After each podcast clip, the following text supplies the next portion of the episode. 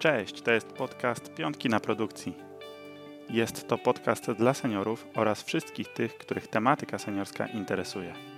Rozmawiamy tu o tematach istotnych z perspektywy doświadczonych programistów. Raczej miękko, nie technicznie. Jeśli chcesz się stać bardziej świadomym programistą, to ten podcast jest dla Ciebie. Piątki na produkcji to spotkania na żywo w formie meetupu. Raz na miesiąc spotykamy się we wrocławskim pubie, gdzie w luźnej atmosferze rozmawiamy z zaproszonym gościem. Ten podcast to nagranie tej rozmowy. Ja nazywam się Michał Jawulski. A ja Mateusz Budzar. Witamy Cię bardzo serdecznie. W tym odcinku rozmawialiśmy z Jarosławem Pałką o pracy w firmach różnej wielkości. Często wydaje nam się, że wiemy całkiem sporo o pracy w startupie czy korporacji. Pomimo tego, że wcześniej tam nie pracowaliśmy. Postanowiliśmy rozwiać wszelkie wątpliwości i zderzyć się z różnego rodzaju mitami czy stereotypami. W naszej rozmowie poruszyliśmy tematy struktury tych firm, przeszliśmy przez różne stanowiska, opowiedzieliśmy o pracy w zespole, o możliwości rozwoju i o benefitach. Oczywiście wszystko to popierając naszym własnym doświadczeniem. Miłego słuchania.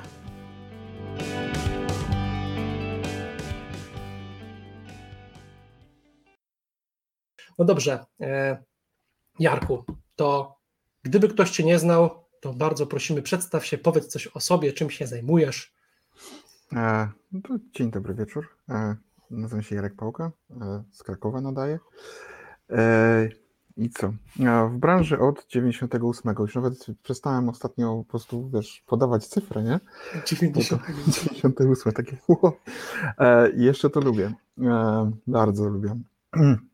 Obecnie, obecnie pracuję w firmie Neo4j, gdzie zajmuję się tak zwanymi benchmarkami i wydajnością bazy danych, a wcześniej, wcześniej było Allegro, wcześniej było Sabre w Krakowie, kilka startupów, w tym własny startup, który się nie udał.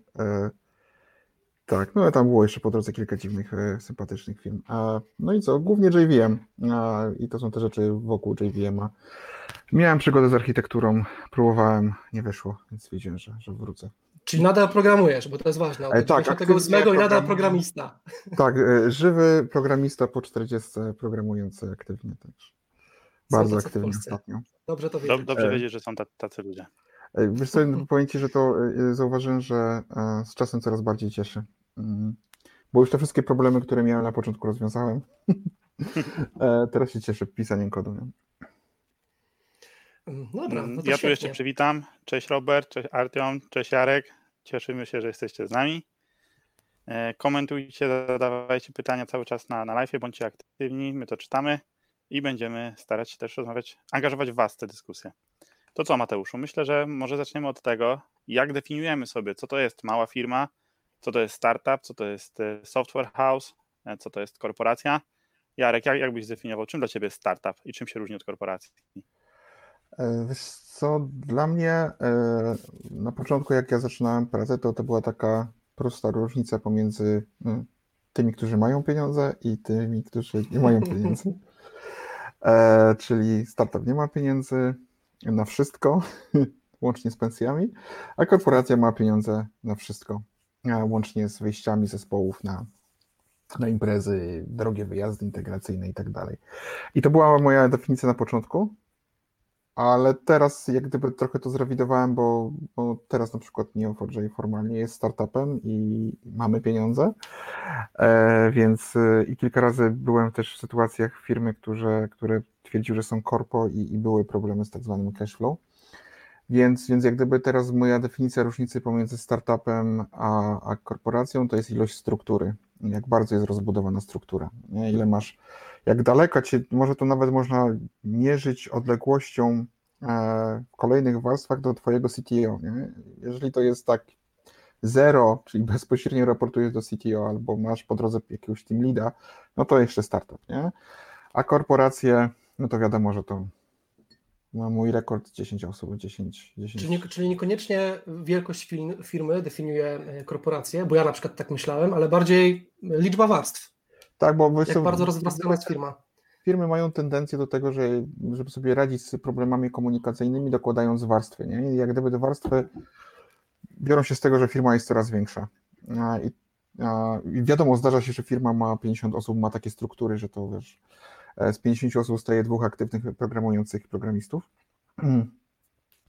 Ale wydaje mi się, że ta struktura, wiadomo, że teraz też jest taka tendencja, że firmy się wypłaszczają, nie? Dobrym przykładem jest Allegro. E, I czy, tam z tego, co czytałem, też Atlassian, a, czy też Netflix. Nie wiem, ile jest tych prawdy, e, ale jest jakaś tam tendencja, żeby budować płaskie struktury, e, ale ja trzymam się tego podziału, nie? Jak daleko na, na czym takie wypłaszczenie?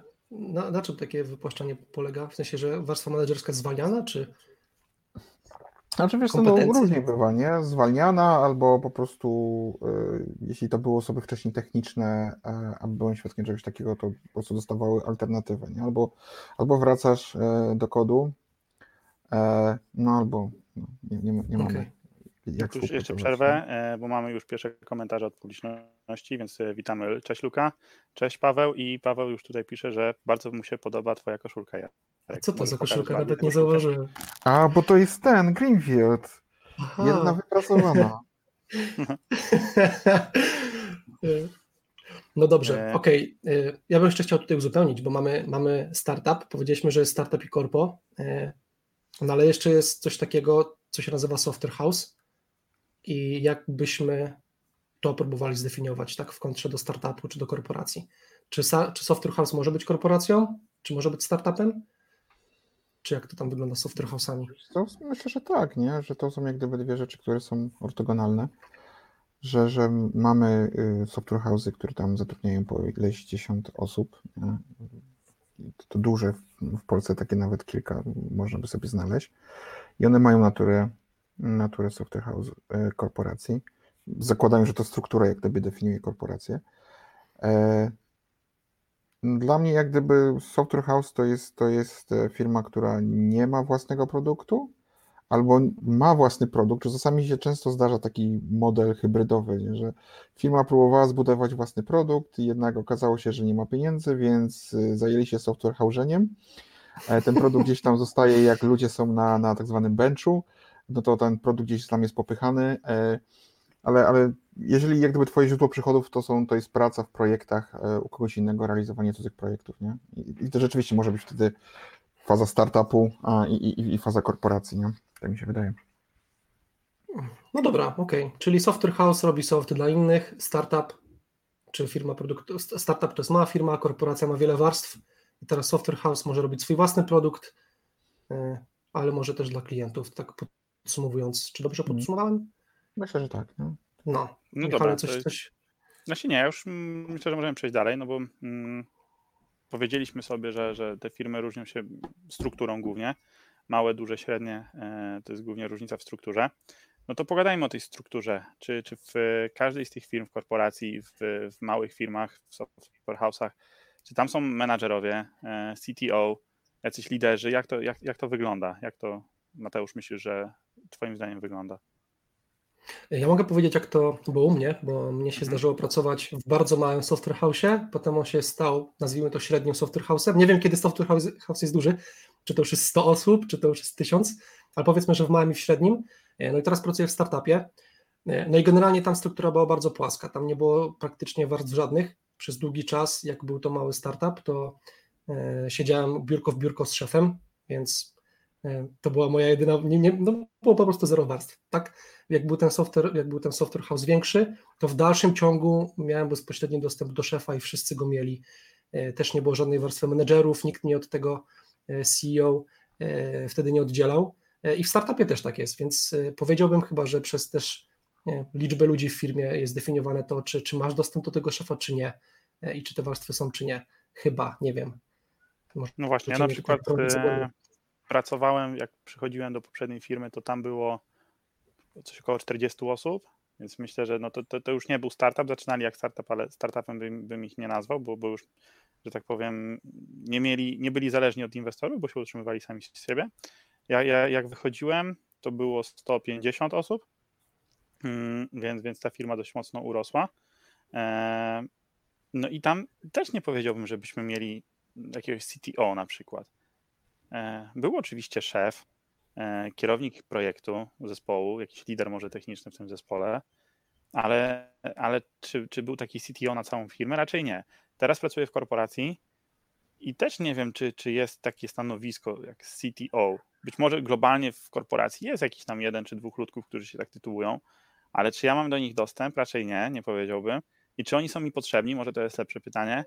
Też bym nie powiedział. U nas to się dzieje tak, że po prostu no, mamy swój projekt i, i, w ramach tego projektu mamy jakichś swoich liderów technicznych i no, ja jestem jednym z nich i, i, i tak, to, tak to działa, nie? więc y, powiedziałbym, że tu, tu nie wszędzie, nie w każdej firmie będą takie formalne nazwy i tutaj co, co, co być może zaskakujące, akurat pod tym względem korporacja okazuje się być luźniejsza pod, pod względem posiadania takiego, my musimy mieć CTO. Nie, nie musimy mieć. Ja też kogoś takiego jak CTO nigdy nie miałem, ani w, w Software House, gdy, gdy miało 10 osób, ani gdy miało 50, ani teraz w startupie 50-osobowym nie ma kogoś takiego jak CTO. A jak to Jarek z twojego doświadczenia wygląda? Miałeś znaczy, menadżerów, CTO, liderów? Ja kiedyś miałem rekord mhm. e, niechlubny, miałem czterech CTO. E, to który był bardziej bo... shift od, od którego? Czemu, czemu niechlubny? Tyle specjalistów? Wiesz co, bo to było fantastyczne, ponieważ oni byli firma była na tyle duża, że każdy z obszarów e, tej firmy gdzieś tam biznesowych miał swojego własnego, własnego CTO. Nie? E, no i oni razem tworzyli e, niechlubne Chief Technology Office. Nawet nie Officer, tylko Office, więc oni mieli biuro, żeby się mogli spotykać. I to było fantastyczne, ponieważ oni chyba nie pałali do siebie jakąś szczególną sympatią, na takim osobistych relacjach, e, więc podejmowanie przez nich decyzji, mm, no, no to już legendy chodziły, nie? E, byli w stanie dyskutować nad jedną rzeczą czasami pół roku, gdzie wiesz, decyzje techniczne, wszyscy patrzyli na nich i mówili, dobra, w którą stronę? Oni mówią, że muszą się zamknąć w tym swoim office i, i podjąć decyzję. No i Matko, w pół roku to startupy bankrutują w pół roku. No, no, ale to wiesz, korporacja może, może sobie pozwolić przez, e, jakby to opóźnienia w korporacji są czymś naturalnym, normalnym. E, albo się z tym żyje, albo się traci cierpliwość i odchodzi. E, I tak, no, to miałem czterech, tak, to było, to było fantastyczne. Nie wiem, co oni robili tak do końca, bo myśmy i tak na koniec robili to, co uważaliśmy za słuszne, nie? Ale no byli, byli. No, no dobra, każda decyzja to... musiała przez nich przechodzić. Nie? Jak z menedżerami albo z innymi warstwami? Wiesz co, no klasyka była, no, był team lead, nie? Nad team leadem był e, menadżer, nad menadżerem był dyrektor, nad dyrektorem był VP of Engineering, nad VP of Engineering był senior VP of Engineering, no i potem CTO, nie? E, jeden z iluś tam. No i, I to mówisz o pracy teraz w tym software house, w którym pracujesz, czy w korporacji jakiejś? W korporacji, w której pracowałem. No tutaj, tutaj tak naprawdę mam jeden, jeden hop do, do CEO nawet firmy. Nie? E, jeden, nie, skłamałem, dwa, dwa hopy. A, a jak duży jest to software house? Ile osób liczycie? E, wiesz co, no my w, w engineeringu jest teraz w tym momencie jakieś 150 osób, e, tak mi się wydaje, przynajmniej ostatnie cyferki. Jak jeszcze doliczymy do tego support, e, field engineering, e, sprzedawców, no to myślę, że byśmy się w trzech stówach, nawet więcej zamknęli, nie? Okej. Okay. No ale tutaj wiesz, budujemy wszyscy ten sam produkt, tak naprawdę trzy produkty. No ale. Więc struktura bardzo płaska. Nie? No dobra, okay. to, to zastanawiając się dalej, przychodzę do firmy, to już wiem mniej więcej, jak wygląda struktura. E, jak to wygląda dalej? Czy będę miał bezpośredni dostęp do, do prezesa, CEO i czy z szefostwem będę mógł porozmawiać? Jak to wygląda w korporacjach, w software house'ach i, i w startupach waszym zdaniem, Jarek? Znaczy, wiesz co, pytanie, po co? Po co rozmawiać z prezesem? E, tak, nie. E... Właśnie, wiesz co, myślę, że bardziej chodziło mi o to, czy, czy nie wiem, prezes siedzi gdzieś koło mnie, czy ja się mogę z nim napić herbaty, czy, czy ja mogę sobie z nim pogadać, tak żeby go lepiej poznać. Wiesz co, to, to, to zależy, nie? Bo e, jak, pracowałem w amerykańskim korpo, e, to tam była strategia i dotąd jak gdyby ta strategia jest e, z tego, co tam znajomi zostali, mocno e, krzewiona, że skracamy dystans, nie? A więc e, CTO na każdym all powtarza, że ja tu jestem, zadzwońcie, jak będziecie przychodzić, będziecie w Stanach, to wpadnijcie do biura, e, piszcie do mnie i jak gdyby taka komunikacja, mm, myślę, że to jest świadoma decyzja, bo jak masz tak dużo warstw, no to każda warstwa wprowadza przekłamania, nie? Czy chcąc, czy nie chcąc. Więc wielu świadomych CTO mówi, dobra, jestem dla was otwarty, znajdźcie mi tylko po prostu kawałek miejsca w kalendarzu ja was tam wcisnę i z wami się spotkam, nie? E, więc e, myślę, że w dużej części organizacji już teraz tak jest, że, e, że ci prezesi, executives i tak dalej są dostępni otwarci na rozmowę, bo, bo zrozumieli, że, że tak naprawdę jak przebiją te wszystkie warstwy organizacji, to to może się w końcu prawdę dowiedzą. No, a dla mnie to taki wyznacznik, nie? jeżeli ty trafiasz do firmy, taki tip, nie, i okazuje się, że żeby pogadać z prezesem, to ty musisz powiedzieć to menedżerowi, menedżer przekazać dyrektorowi, dyrektor i tak dalej, i tak dalej, no to coś jest nie tak, nie? To, to z taką organizacją się nie za, za, za bardzo da popracować. Tak. I tutaj, tutaj padło pytanie też w sumie po co do prezesa. E, no. To wydaje mi się, że teraz szczególnie młodzi programiści, nie wiem, czy ja się dalej do nich zaliczam, bo chyba, chyba jestem e, kategoryzowany jako millennials, to jednak mają takie poczucie, że że chcą mieć zdanie w tej firmie, że chcą coś zmienić, mieć na nią wpływ i wtedy taki dostęp do szefa w jakimś stopniu to ułatwia, wydaje mi się, nie? Dlatego oni też możliwe, że tak schodzą na dół, żeby wysłuchać ludu, mhm. E, bo, bo jednak menedżer, przez menedżera nie wiem, bo nigdy nie miałem, ale wyobrażam sobie, że ciężej jest takie sprawy załatwić, a często gdzieś, gdzieś tam umiera po prostu. Tak, wiesz co, to przez menadżera, po pierwsze ten człowiek ma strasznie dużo rzeczy na głowie. E, sam byłem akurat w tym korpo tym, tym menedżerem. E, I, i, I, to jest ostatnia rzecz, którą chcesz, czyli y, iść do prezesa i, i powiedzieć, że no, twój pracownik ma jakieś tam problemy i chciałby porozmawiać. Nie? Spychasz takie dyskusje gdzieś tam e, w natłoku, w natłoku rzeczy, nie? Wydaje mi się, że to też, wiesz co, nie zawsze musisz iść do prezesa a, i a, wiele decyzji jesteś w stanie podjąć lokalnie i, i tak to pójście do prezesa, no to, mm, to chyba jest wtedy potrzebne, kiedy te decyzje wymagają, wiesz, e, grubszych decyzji, nie wiem, chcemy się zamknąć na pół roku zrobić refaktoring, tak? E, chcemy zmienić technologię, bo, bo to, co w tym jesteśmy, jesteśmy w złym miejscu. I jeżeli ta decyzja będzie miała jakiś bezpośredni, wiesz, impact na, na firmę finansowy, no to, to, to wiadomo, że wtedy, ale większość decyzji e, nie, nie, nie, potrzebujesz, nie? Szczególnie w dużych organizacjach prezes, prezes nie chce, nie musi wiedzieć, nie? To jest takie oczekiwanie, że prezes będzie się skupiał na każdym szczególe. Nie. nie. Tak, tutaj jeszcze może, tak, tak, się jak najbardziej zgadzam, że nie ze wszystkim powinno się do prezesa, do prezesa w sumie chodzić.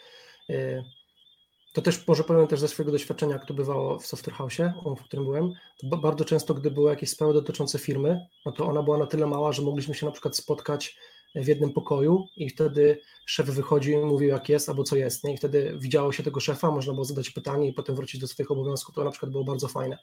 To tak jeszcze w, w, w kontekście tego, czy fajnie jest Inaczej jest, wydaje mi się, jak, jak, szef o czymś powie i coś zakomunikuje, na przykład jakieś złe wiadomości, ale inaczej, gdyby to zrobił menedżer, e, tak sobie wyobrażam, z szefem wtedy można pogadać o tym. E, no tak, no i, no i zawsze gdzieś tam ten dostęp miałem. W, w startupie tak samo. E, pracuję teraz dla amerykańskiego, podobnie chyba jak ty pracowałeś, Jarek, i, hmm. i jest tam coś takiego, że zadzwońcie do mnie, kiedy tylko chcecie, tylko znajdźcie miejsce w kalendarzu, dokładnie tak jak mówisz. Są kraje w Europie, jest... nie, nie, podam nazwy tych, tych krajów, ale są kraje w Europie, gdzie to nie jest mile widziane, nie? E... O, e, no, to, to, są takie. Ale, ale Amerykanie mocno w tym przodują, nie? Teraz gdzieś tam pracuję dla Skandynawów, bo to jest Szwecja i tam też mocno takie, wiesz, skrócenie dystansu i, i, i możliwość po prostu zapukania do biura i, a, i powiedzenia sobie, pogadajmy, mam jakąś sprawę. Jest jak, jak najbardziej mile widziane, nie? Spoko. Michał, jak to bywa u Ciebie z tym, z tym dostępem do szefa jeszcze w przeszłości no, i teraz? No jasne, no więc y, chyba się tutaj zgodzę z Wami, że, że generalnie im ta struktura jest mniejsza, czy mniej skomplikowana, tym jest łatwiej o, o, dostęp do tego szefa i dlaczego to jeszcze może być fajne? No chociażby tak jest takiego, nie wiem, może prozaicznego po, powodu, gdzieś w naszych notatkach to widziałem, e, e, że fajnie jest się po prostu napić nawet gdzieś przy okazji jakiegoś wyjazdu integracyjnego z szefem, poznać go trochę bliżej od tej prywatnej strony. E, no i, i fajnie jak ten, w sensie dużo łatwiej jest to zrobić, jeśli ma się do niego dostęp na co dzień. Tak? Jeżeli, jeżeli tego szefa widzisz raz na jakiś czas, nie wiem, raz na pół roku i, i to jest w, w ramach takiego jakiegoś formalnego spotkania, to jeżeli jesteście gdzieś razem na jakimś, nie wiem, czy, czy jakiejś kolacji firmowej, czy wigilii, czy czegokolwiek, to dużo trudniej będzie ci podejść do, do szefa i powiedzieć, no dawaj, napijmy się, tak, i, i o czymś porozmawiać, o jakichś takich luźniejszych tematach. E, natomiast, natomiast też obserwuję teraz w korporacji, że, że ten dystans do szefa jest mocno skracany, ale na takiej przyjacielskiej stopie właśnie, w sensie to jest to, co mówicie, e, te, te wzorce być może z Ameryki przeszły, że, że też właśnie ka każdy z moich przełożonych mówi, słuchaj, kiedy tylko chcesz, możesz ze mną porozmawiać. I to zarówno jakby wewnętrznie w firmie, w której pracuję, jak i u klienta, bo, bo, bo my mamy dość rozbudowaną strukturę też u klienta i wiele rzeczy wykonujemy u klienta. Mm, i ci przełożeni, przełożeni, tak się chyba mówi, ze, ze, strony klienta też są właśnie tacy sami, że, że to też jest firma amerykańska e, i też właśnie kiedy chcesz, o czym chcesz znaleźć wolne miejsce i możemy, możemy porozmawiać, więc to jest, to jest w porządku moim zdaniem że tak jest. To jeszcze może powiedz Michale, y, bo, tak żeby słuchacze nasi do, do, wiedzieli, co mówisz, gdy mówi, co myślisz, gdy mówisz, pracuję w korporacji, czy w mojej korporacji. W jak dużej korporacji pracujesz i czy ta korporacja to jest duży software house? Czy to jest bardziej firma Nie, to zdecydowanie nie jest software house. To, okay. to nawet nie jest firma produktowa, e, to jest firma projektowa, czyli my po prostu nie mamy własnego produktu, który byśmy sprzedawali. Korporacja jest ogromna, bo, bo, bo liczy kilkaset tysięcy osób na całym świecie. E, firmy, dla których robimy rzeczy, to są przeróżne. Aktualnie ta, dla której ja pracuję, to też zatrudnia, nie wiem czy kilkaset, ale kilkadziesiąt tysięcy ludzi w Stanach na pewno. E, więc, więc to są duże firmy.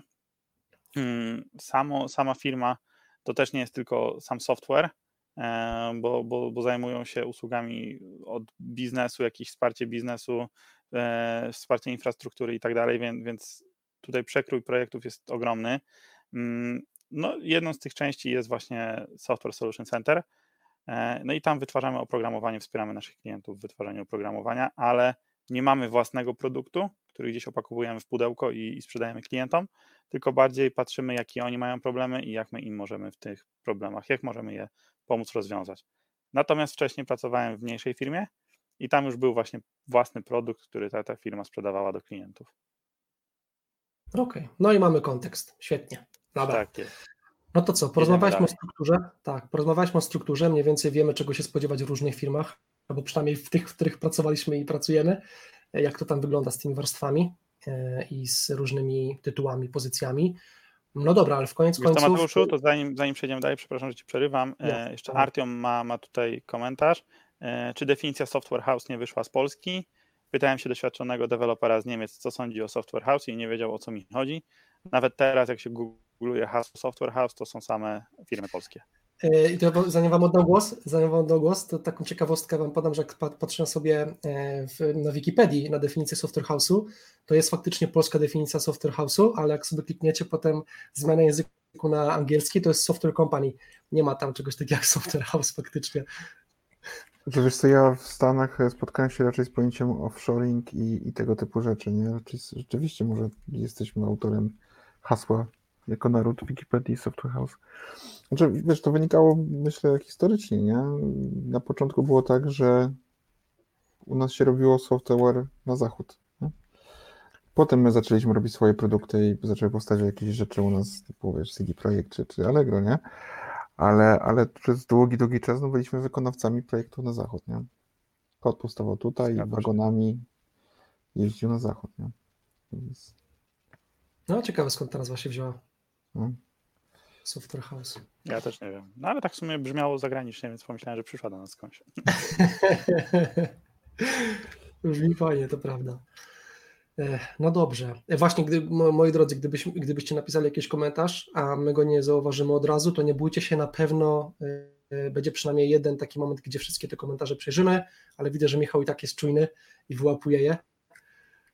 No to tylko tak, żebyście wiedzieli. No dobrze. E, porozmawialiśmy o strukturach, a teraz fajnie by było wiedzieć, jak wyglądają generalnie zespoły w takich firmach, e, jakie są te zespoły, ile jest tych zespołów, mm, jak, jak to wygląda w dużych, w małych firmach, czy są one oddzielne, czy są jakoś współpracują, czy robią zupełnie różne rzeczy, tak spróbujemy może teraz o tym porozmawiać, jak to było u Was. Jarek, zespoły. Przeróżnie było, naprawdę przeróżnie. E, to znaczy, jedna taka moja obserwacja to, e, Myślę, że te firmy mniejsze e, i, czy, tam, czy startupy, czy mniejsze software house'y mm, miały raczej taką tendencję, żeby, żeby w zespołach były wszystkie kompetencje, nie?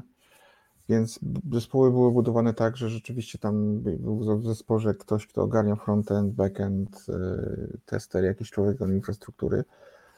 E, a w korporacjach było coś, co ja osobiście bardzo nie lubiałem, e, że były zespoły od backendu i zespoły od frontendu i zespoły od infrastruktury, nie?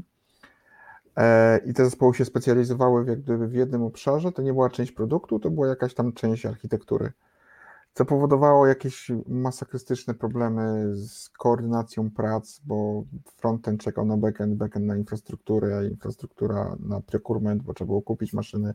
To jeszcze takie czasy były, że się kupowało maszyny, nie?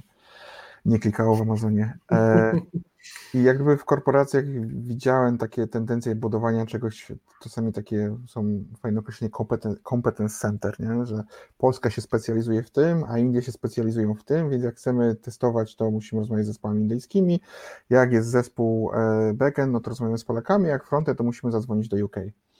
E, I, i takie struktury głównie spotykałem gdzieś tam, wiesz, w, w korpo, że ludzie byli były budowane te competence center, różne nazwy na to były e, nakładane i była specjalizacja, a w tych mniejszych firmach albo w firmach, które chcą biec szybciej nie, i mają taką potrzebę, no to te zespoły były, jeden zespół był odpowiedzialny od początku do końca za jakiś tam wycinek większej całości, nie?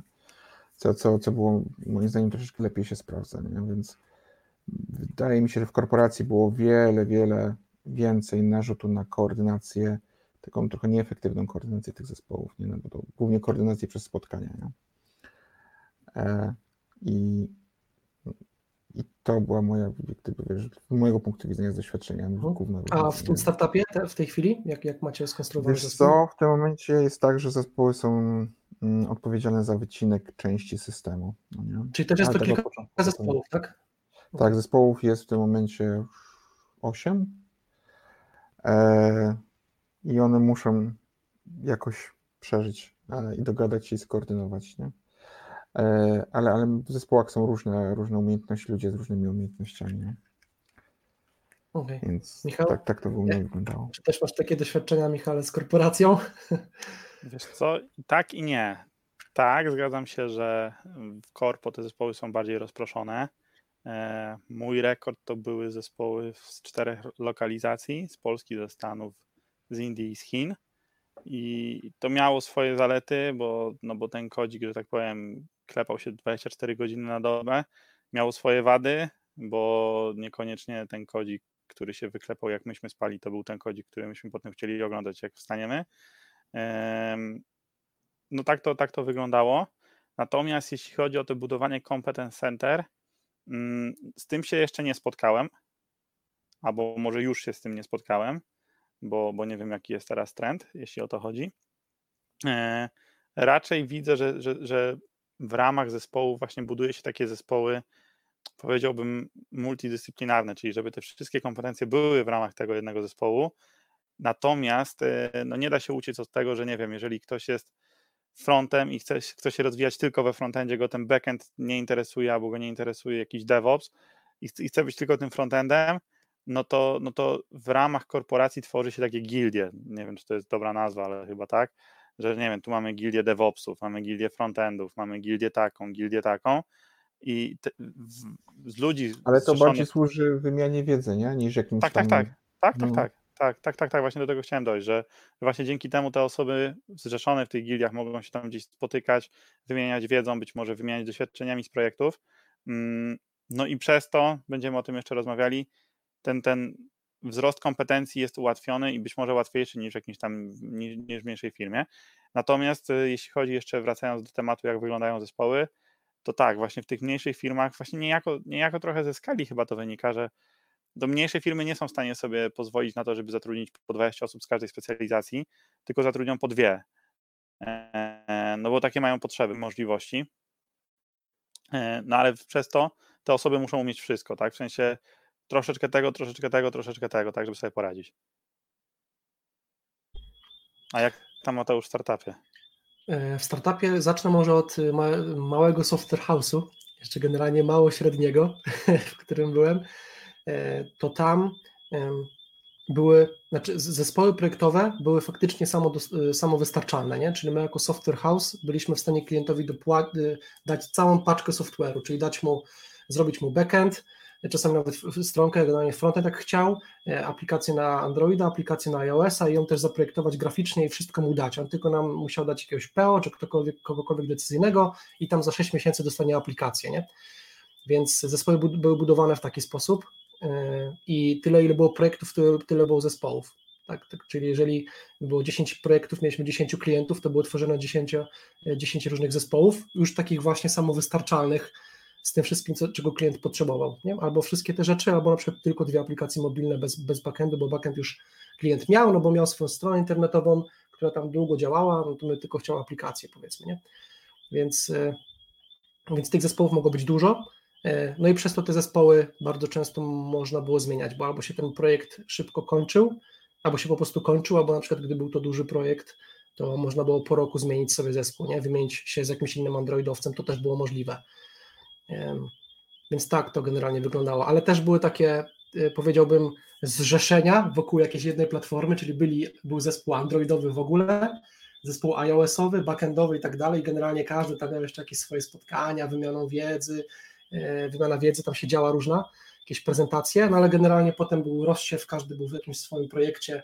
E, najczęściej nawet siedzieliśmy razem w pokoju, tak, czyli to, to było akurat najfajniejsze. Nie, nie, nie wiem, jak jest na, na Open Space pracowałem tylko przez chwilę, jak byłem na stażu e, w Corpo, e, ale tego powiedzmy nie liczę do kariery, ale potem już w Software House był podział na pokoje i to było super, nie? czyli taki na przykład oś, ośmioosobowy pokój, to tam siedziała magia, tam można było szybko robić soft, naprawdę, jak się miał backendowca obok siebie, grafika obok siebie. A no właśnie, jak byliście podzieleni, czyli to nie było tak, że w tym jednym pokoju siedziało ośmiu androidowców, a w drugim pokoju obok siedziało, nie wiem, ośmiu javowców, a jeszcze gdzieś tam siedzieli DevOpsi, to, to, były, to były pokoje projektowe, o tak.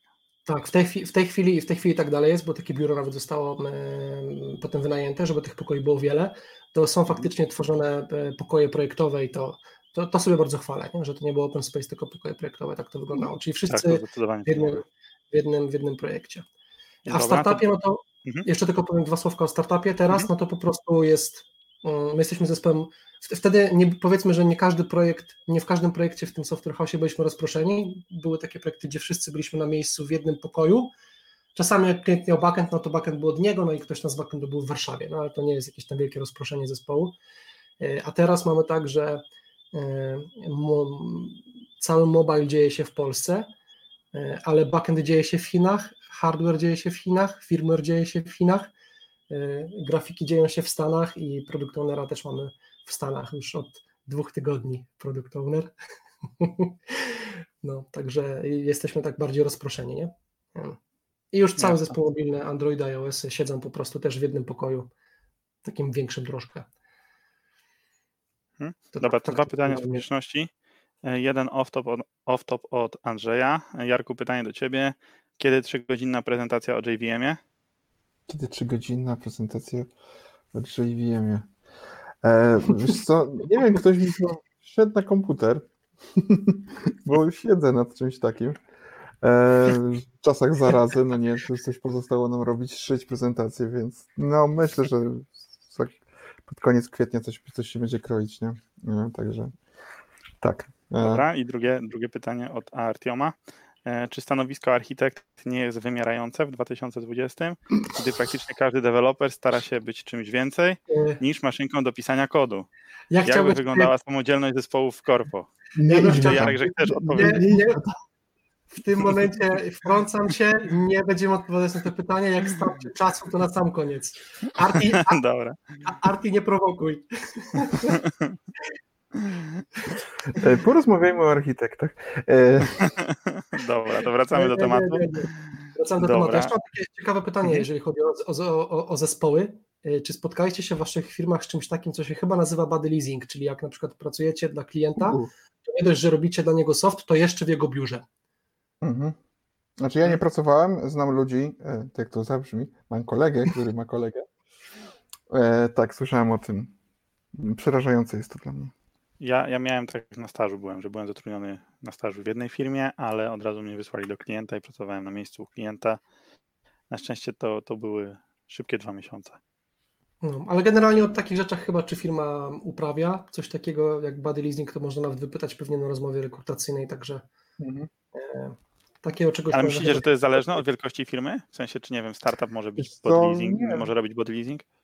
Wiele to zależy od, od modelu, nie? Są, są software house'y, które pracują we wszystkich modelach, no nie? Że, że mhm. albo robią body leasing, albo robisz projekt dla klienta, ale jesteś w firmie, albo i masz, jak gdyby argumentujesz zespół, tak? Jesteś dokładany do zespołu po stronie klienta, albo rzeczywiście masz klient zamawia sobie projekt u was, nie? więc zależy no tak, od, czyli właśnie to chyba nie zależy od, od jakby wielkości firmy, tylko od tego, do jakiej firmy dołączamy, czy w jakiej firmie no. pracujemy.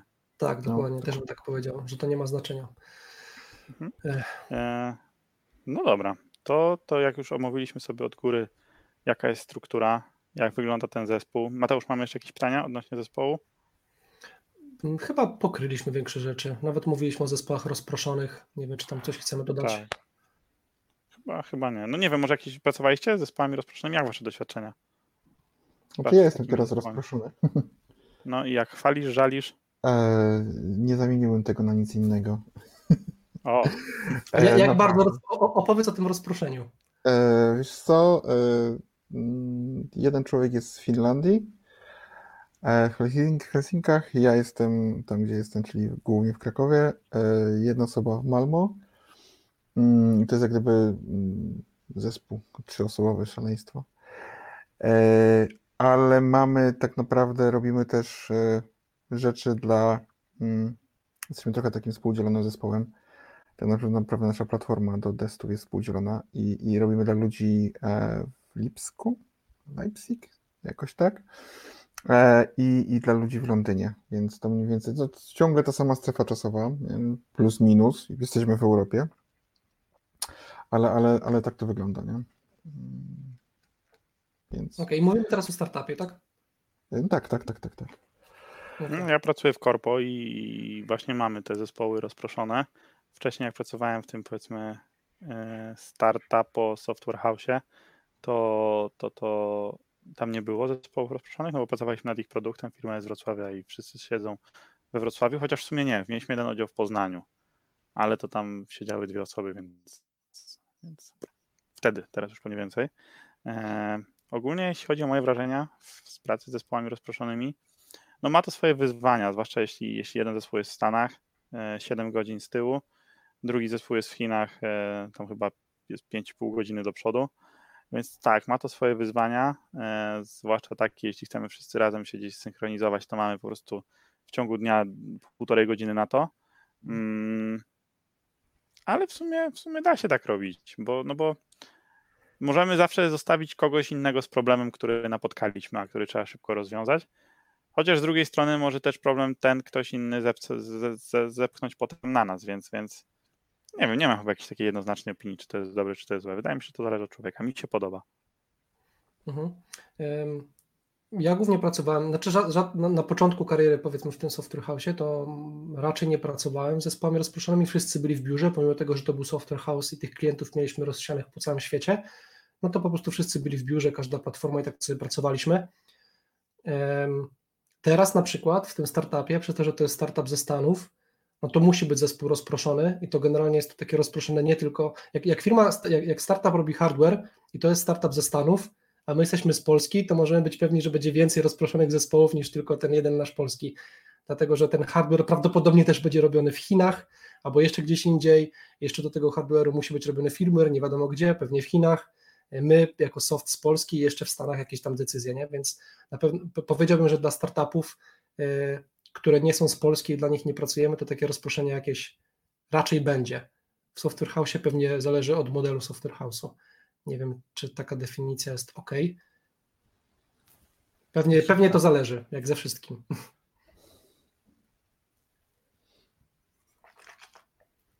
Mm, no dobra, to idziemy dalej, moi drodzy.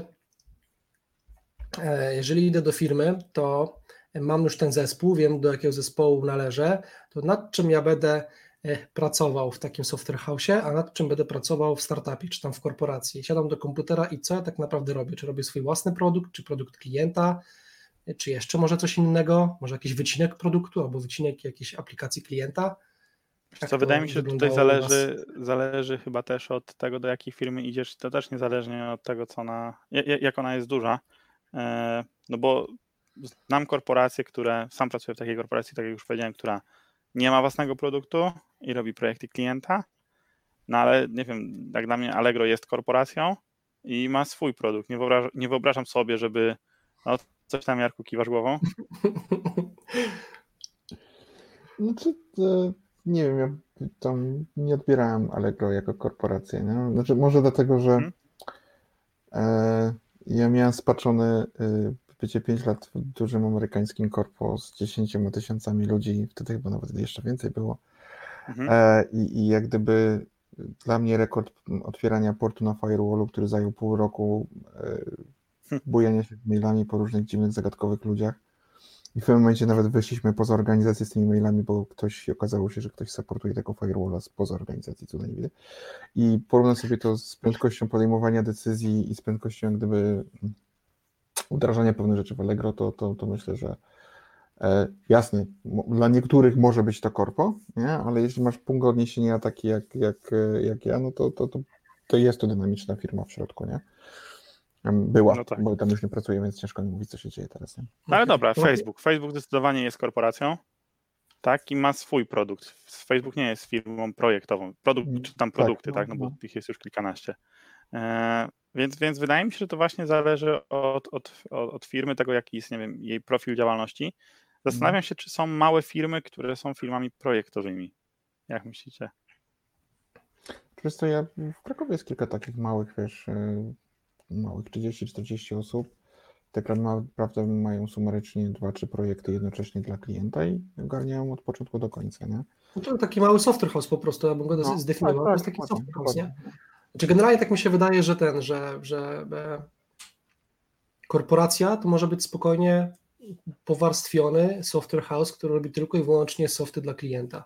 Tak. E, mhm. Nie, nie, ma swojego produktu, a firma produktowa, która jest powarstwiona, to też jest korporacja, ale to jest firma produktowa, więc ja na przykład spróbowałem to tak zdefiniować, że w firmie produktowej, czyli firmie, która ma swój produkt, obojętnie czy ona jest duża czy mała, to tylko będziemy prawdopodobnie pracować nad tym produktem, albo tylko nad produktami tej firmy. Nie będziemy mieli chyba zewnętrznych klientów, nie, albo, nie.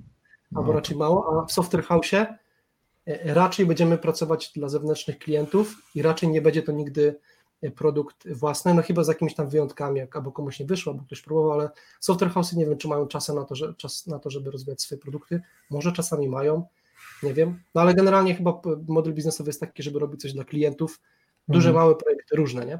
Więc prawdopodobnie w dużym software house będą to duże projekty, w mniejszym w średnim średnie, w małym małe, tak bym strzelał. Nie? Więc tak bym to scharakteryzować. Mm, ale jest jak gdyby większe prawdopodobieństwo, jeśli masz y, korporację.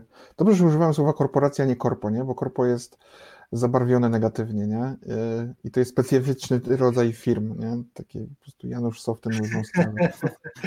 może być, czy może być Software House Corpo albo jakiś tak, nie, startup corpo nie? Ale corpo startup. Korporacji myślę, że masz większe szanse, które szczególnie jeśli e, czy większe, prawie graniczące z pewnością, jeżeli ta firma jest, powiedzmy, w modelu sasowym, nie?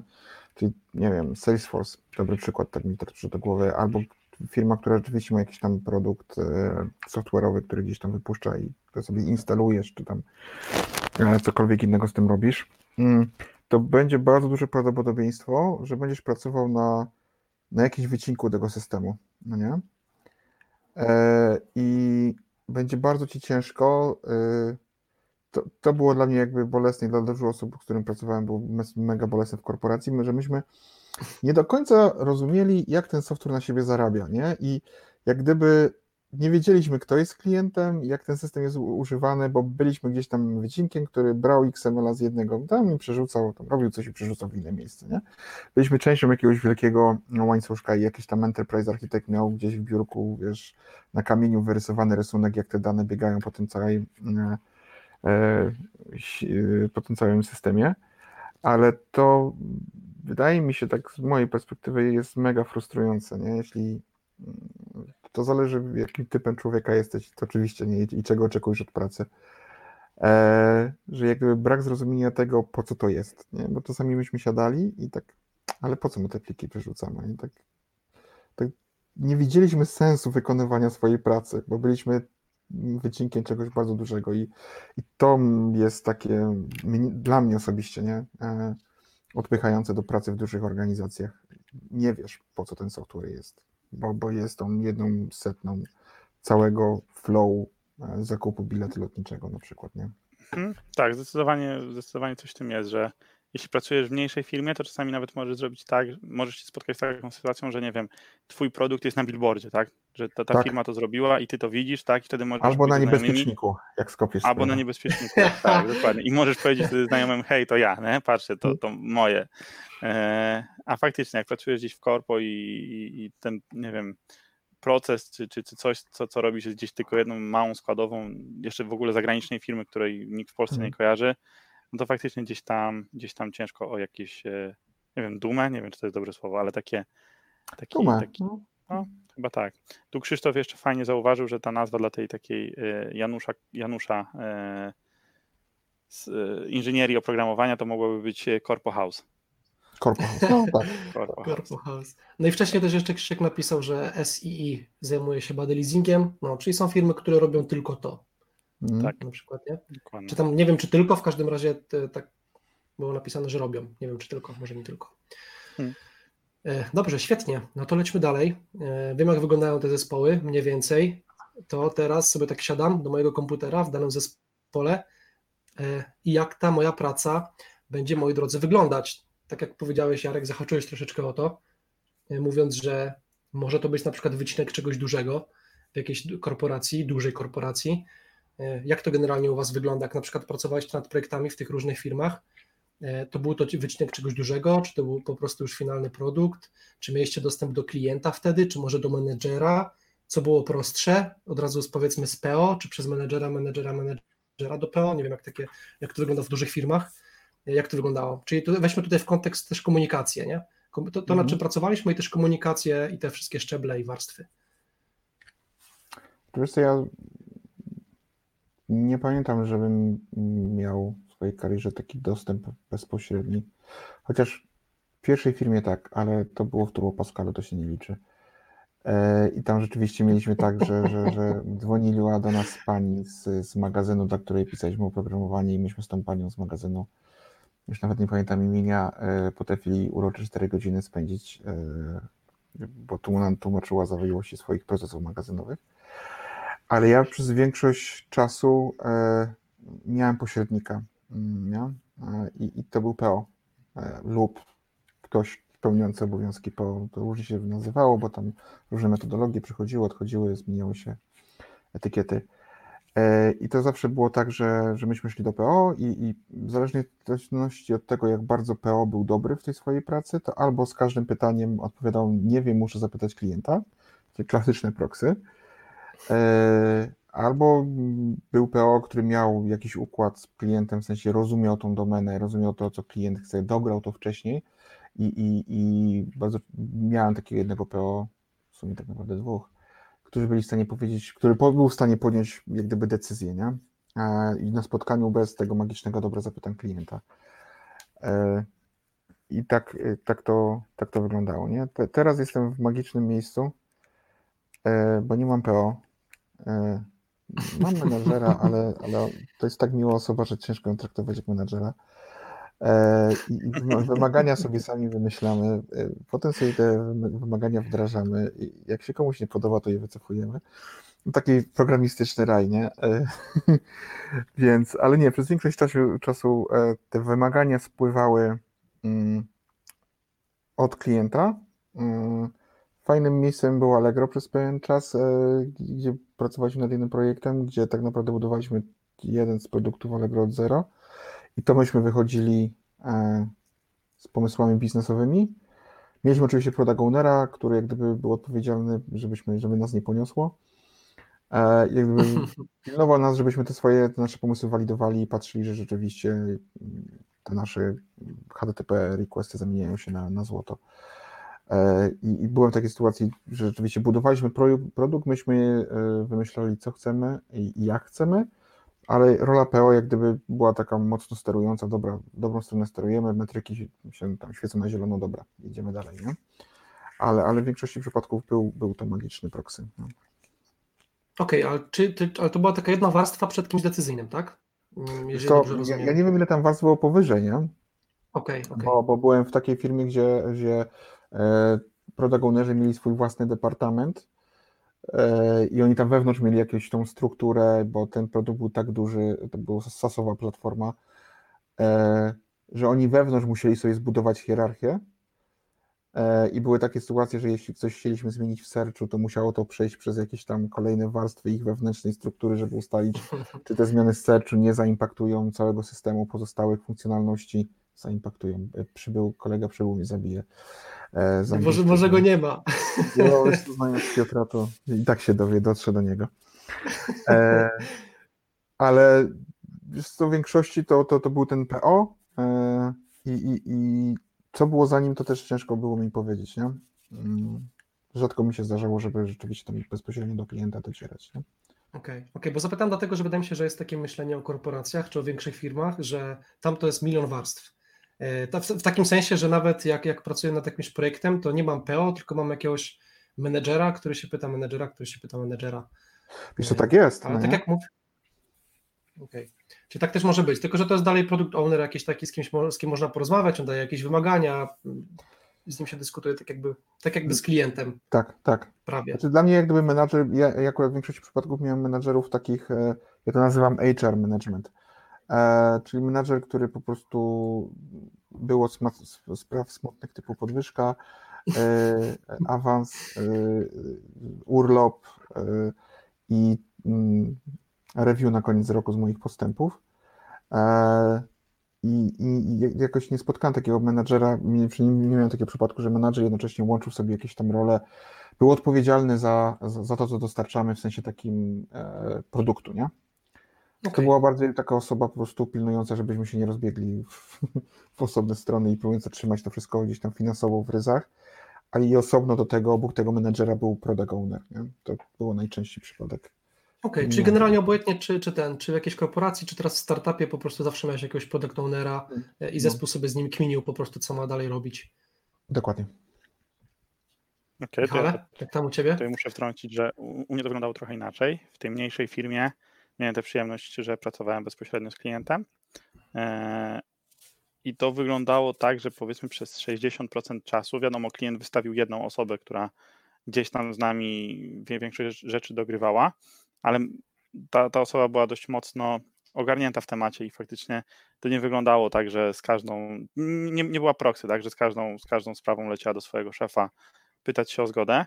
Wiadomo, że były takie rzeczy, że gdzieś jakieś krytyczne decyzje to, to wiadomo, że nie podejmowała sama, e, ale to przez 60% czasu tylko z tą osobą, a przez resztę właśnie mieliśmy tę, tę przyjemność i tę radość, że e, spotykaliśmy się naprawdę już z osobami turbodecyzyjnymi u klienta, nie? typu dyrektor, prezes, tego typu rzeczy. Nie? I oni, oni już faktycznie jak coś powiedzieli, to tak potem to, to wyglądało, więc ten proces decyzyjny był dużo, dużo szybszy, dużo, dużo przyjemniejszy chyba, myślę, że dla obu stron.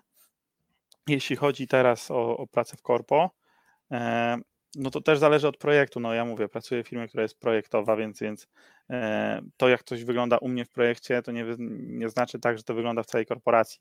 Akurat też wydaje mi się, że mam tutaj farta w życiu, E, i, i trafi, tra, trafiam na, na, fajne projekty, no po prostu, co tu dużo będę ściemniał, jakoś mam takiego farta w życiu, mm, że teraz też e, pracuję w takim projekcie, że mimo tego, że obsługujemy dużą, naprawdę dużą finansową firmę z Ameryki, to jest potężne korpo, to tam ten produkt, czy ten projekt, nad którymi pracujemy dla nich, osoba taka turbodecyzyjna jest praktycznie też w stałym kontakcie z nami, nie? Czyli nawet, nawet ja bym powiedział, że ona jest aż za bardzo decyzyjna, bo to, co ona powie, to potem wszyscy się do niej tak dostosowują po stronie klienta. To, co, to, co, to, co on powiedział, tak ma być, nie?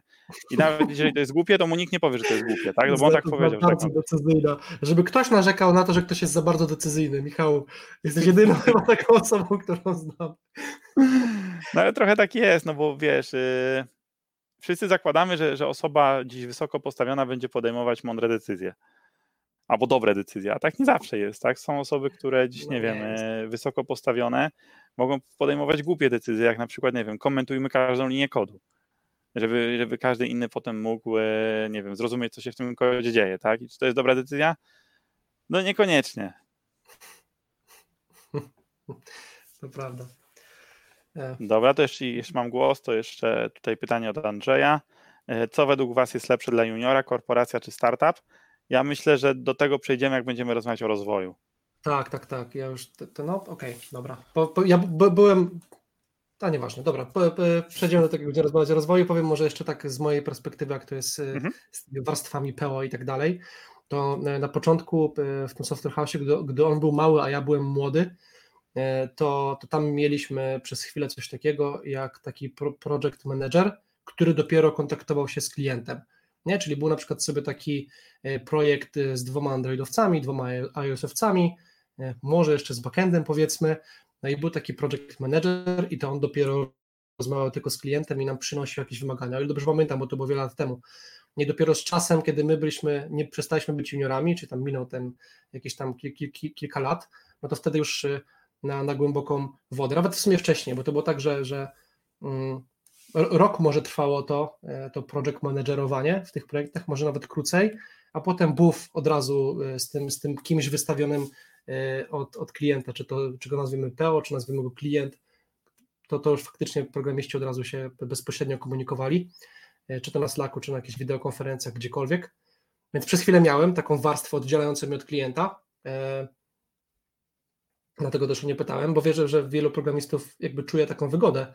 Wydaje mi się, gdy mają, gdy są oddzieleni od klienta, tak też, też słyszałem, ale to znowu może jakieś tam moje stereotypowe myślenia albo jakieś ploty, że w korporacjach to, to, to jest taki oddział od klienta, od tych produkt ownerów jest jeszcze jakaś taka warstwa i wtedy ci deweloperzy czują się tak pewnie, są jakoś tam sobie tak klepią, nie muszą z nimi rozmawiać, chodzić na jakieś spotkanie z klientem, tłumaczyć się z porażek i tak dalej, nie?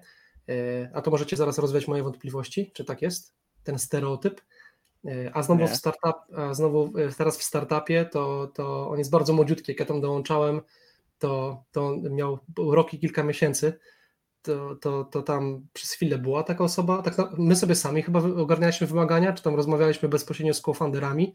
Potem przez chwilę mieliśmy kogoś, ale product owner, który rozmawiał z co-founderami albo kimś tam od produktu.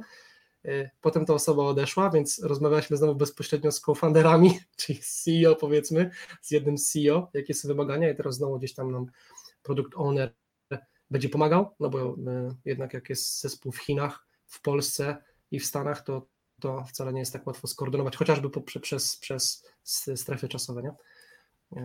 No ale tak, e, przez chwilę miałem project managerów, a teraz generalnie od wielu, wielu lat od razu bezpośredni dostęp do PO albo kogoś w pokroju PO. To jak to jest w tych ten, ko- korporacjach, jeszcze raz możemy do Was zwrócić chłopaki, czy mieliście czasami tak, że jednak był jakiś menedżer, a dopiero zanim ktoś od klienta i był taki sobie światek programistów, który nie chodził na żadne spotkania, tak sobie klepał kod, wymagania spływały, bo też Ja wydaje mi się, że jest taki powiem, że Że, że, nie, że w tych kilku projektach, w których pracowałem, to w żadnym, w żadnym tak nie było.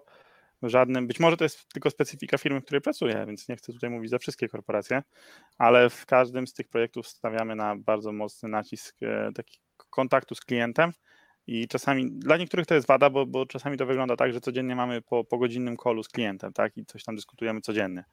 I cały zespół jest na tym kolu, tak, ja, a nie wiem, a podczas kola tylko trzy osoby się odzywają, a pozostałe siedem siedzi i, i słucha, i nic nie robi, nie? E, więc dla niektórych to jest wada, dla niektórych zaleta, ale no tak to u mnie było. Znaczy wiesz co, ja myślę, Okej. że to się mm, mega zmieniło, nie? Bo y, możemy sobie z Agile'a żartować, nie? Ale y, y, wydaje mi się, organizacjach, że one zaczynały też y, skracać te drogi i ten, te, dopuszczać tych, tych klientów do tych programistów ku ucieszy niektórych programistów i ku smutkowi innych programistów. E, ale tak jak sobie wiesz, teraz przypomnę, to wcześniej rzeczywiście to było mega zawinięte. Ci programiści to była taka kulka, nie, do której tam wrzucałeś wymagania, oni wypływali kod i, i, nawet nie było miejsca gdzieś tam na feedback tych programistów, że ej, hej, to, się kupy nie trzyma nawet biznesowo, nie? Bo prawda jest taka, że ty, pracując przy tym kodzie w pewnym momencie zyskujesz na tyle gdyby świadomości domeny, że jesteś w stanie zobaczyć, że to się nie skonwertuje, no nie? Z tego, z tego nie będzie. To nie, to nie jest żyła złota.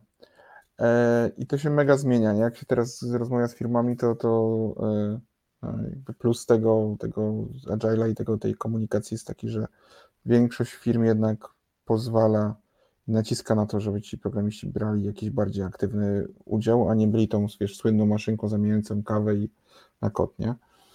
Więc to, to, to się mega zmieniło na pewno od, od, od tego, kiedy ja zaczynałem. Okay. No to dobrze to wiedzieć, no bo ja dalej siedziałem gdzieś tam w tym stereotypie i na przykład nie wiedziałem, że to się zmienia. To, to dobrze takie rzeczy wiedzieć. Fajnie. Pewnie, ja, tak. y, pewnie już zaraz skoczymy do kolejnej sekcji, wydaje mi się, ale jeszcze mhm. zanim, to y, jeszcze chciałem dopytać o tego CTO. Tam Jarek wspomniałeś, że miałeś ich czterech. Gdy sobie siedzę w takim projekcie i sobie piszę kod, to co, tak, co ten CTO, CTO robi wtedy? W sensie, czy to jest jakaś kolejna warstwa, o którą ja muszę coś pytać? No bo mam niby PO, rozmawiam sobie z tym PO, sobie coś robię i gdzie w tym wszystkim jest ten CTO podczas mojej pracy i czy on dalej jest w korporacjach, a o tym już w sumie rozmawialiśmy, ale jeżeli jest, to co on robi, po co on jest? Wiesz co, y, wydaje mi się, że to jest y, sytuacja taka, kiedy mm, jak gdyby w miarę tego, jak to, co tworzy startup rośnie, znaczy na początku każdy startup ma CTO, ale to jest po prostu jedyny programujący człowiek, no nie? W startupie. I to jest CTO. E, w pewnym momencie, jak startup i produkt odpowiednio urośnie, to nagle się okazuje, że jak gdyby złożoność tego, tego systemu, wszystkie te punkty wejścia do systemu, punkty wyjścia systemu e, są, są tak skomplikowane, że, że chcemy, żeby ktoś to ogarnął, nie? I pojawia się magiczny e, architekt, nie? Aplikacja rośnie coraz bardziej, coraz bardziej, dokładamy sobie kolejnych architektów i nagle się okazuje, że, że nie ogarniamy tego, więc wprowadzamy CTO. Nie?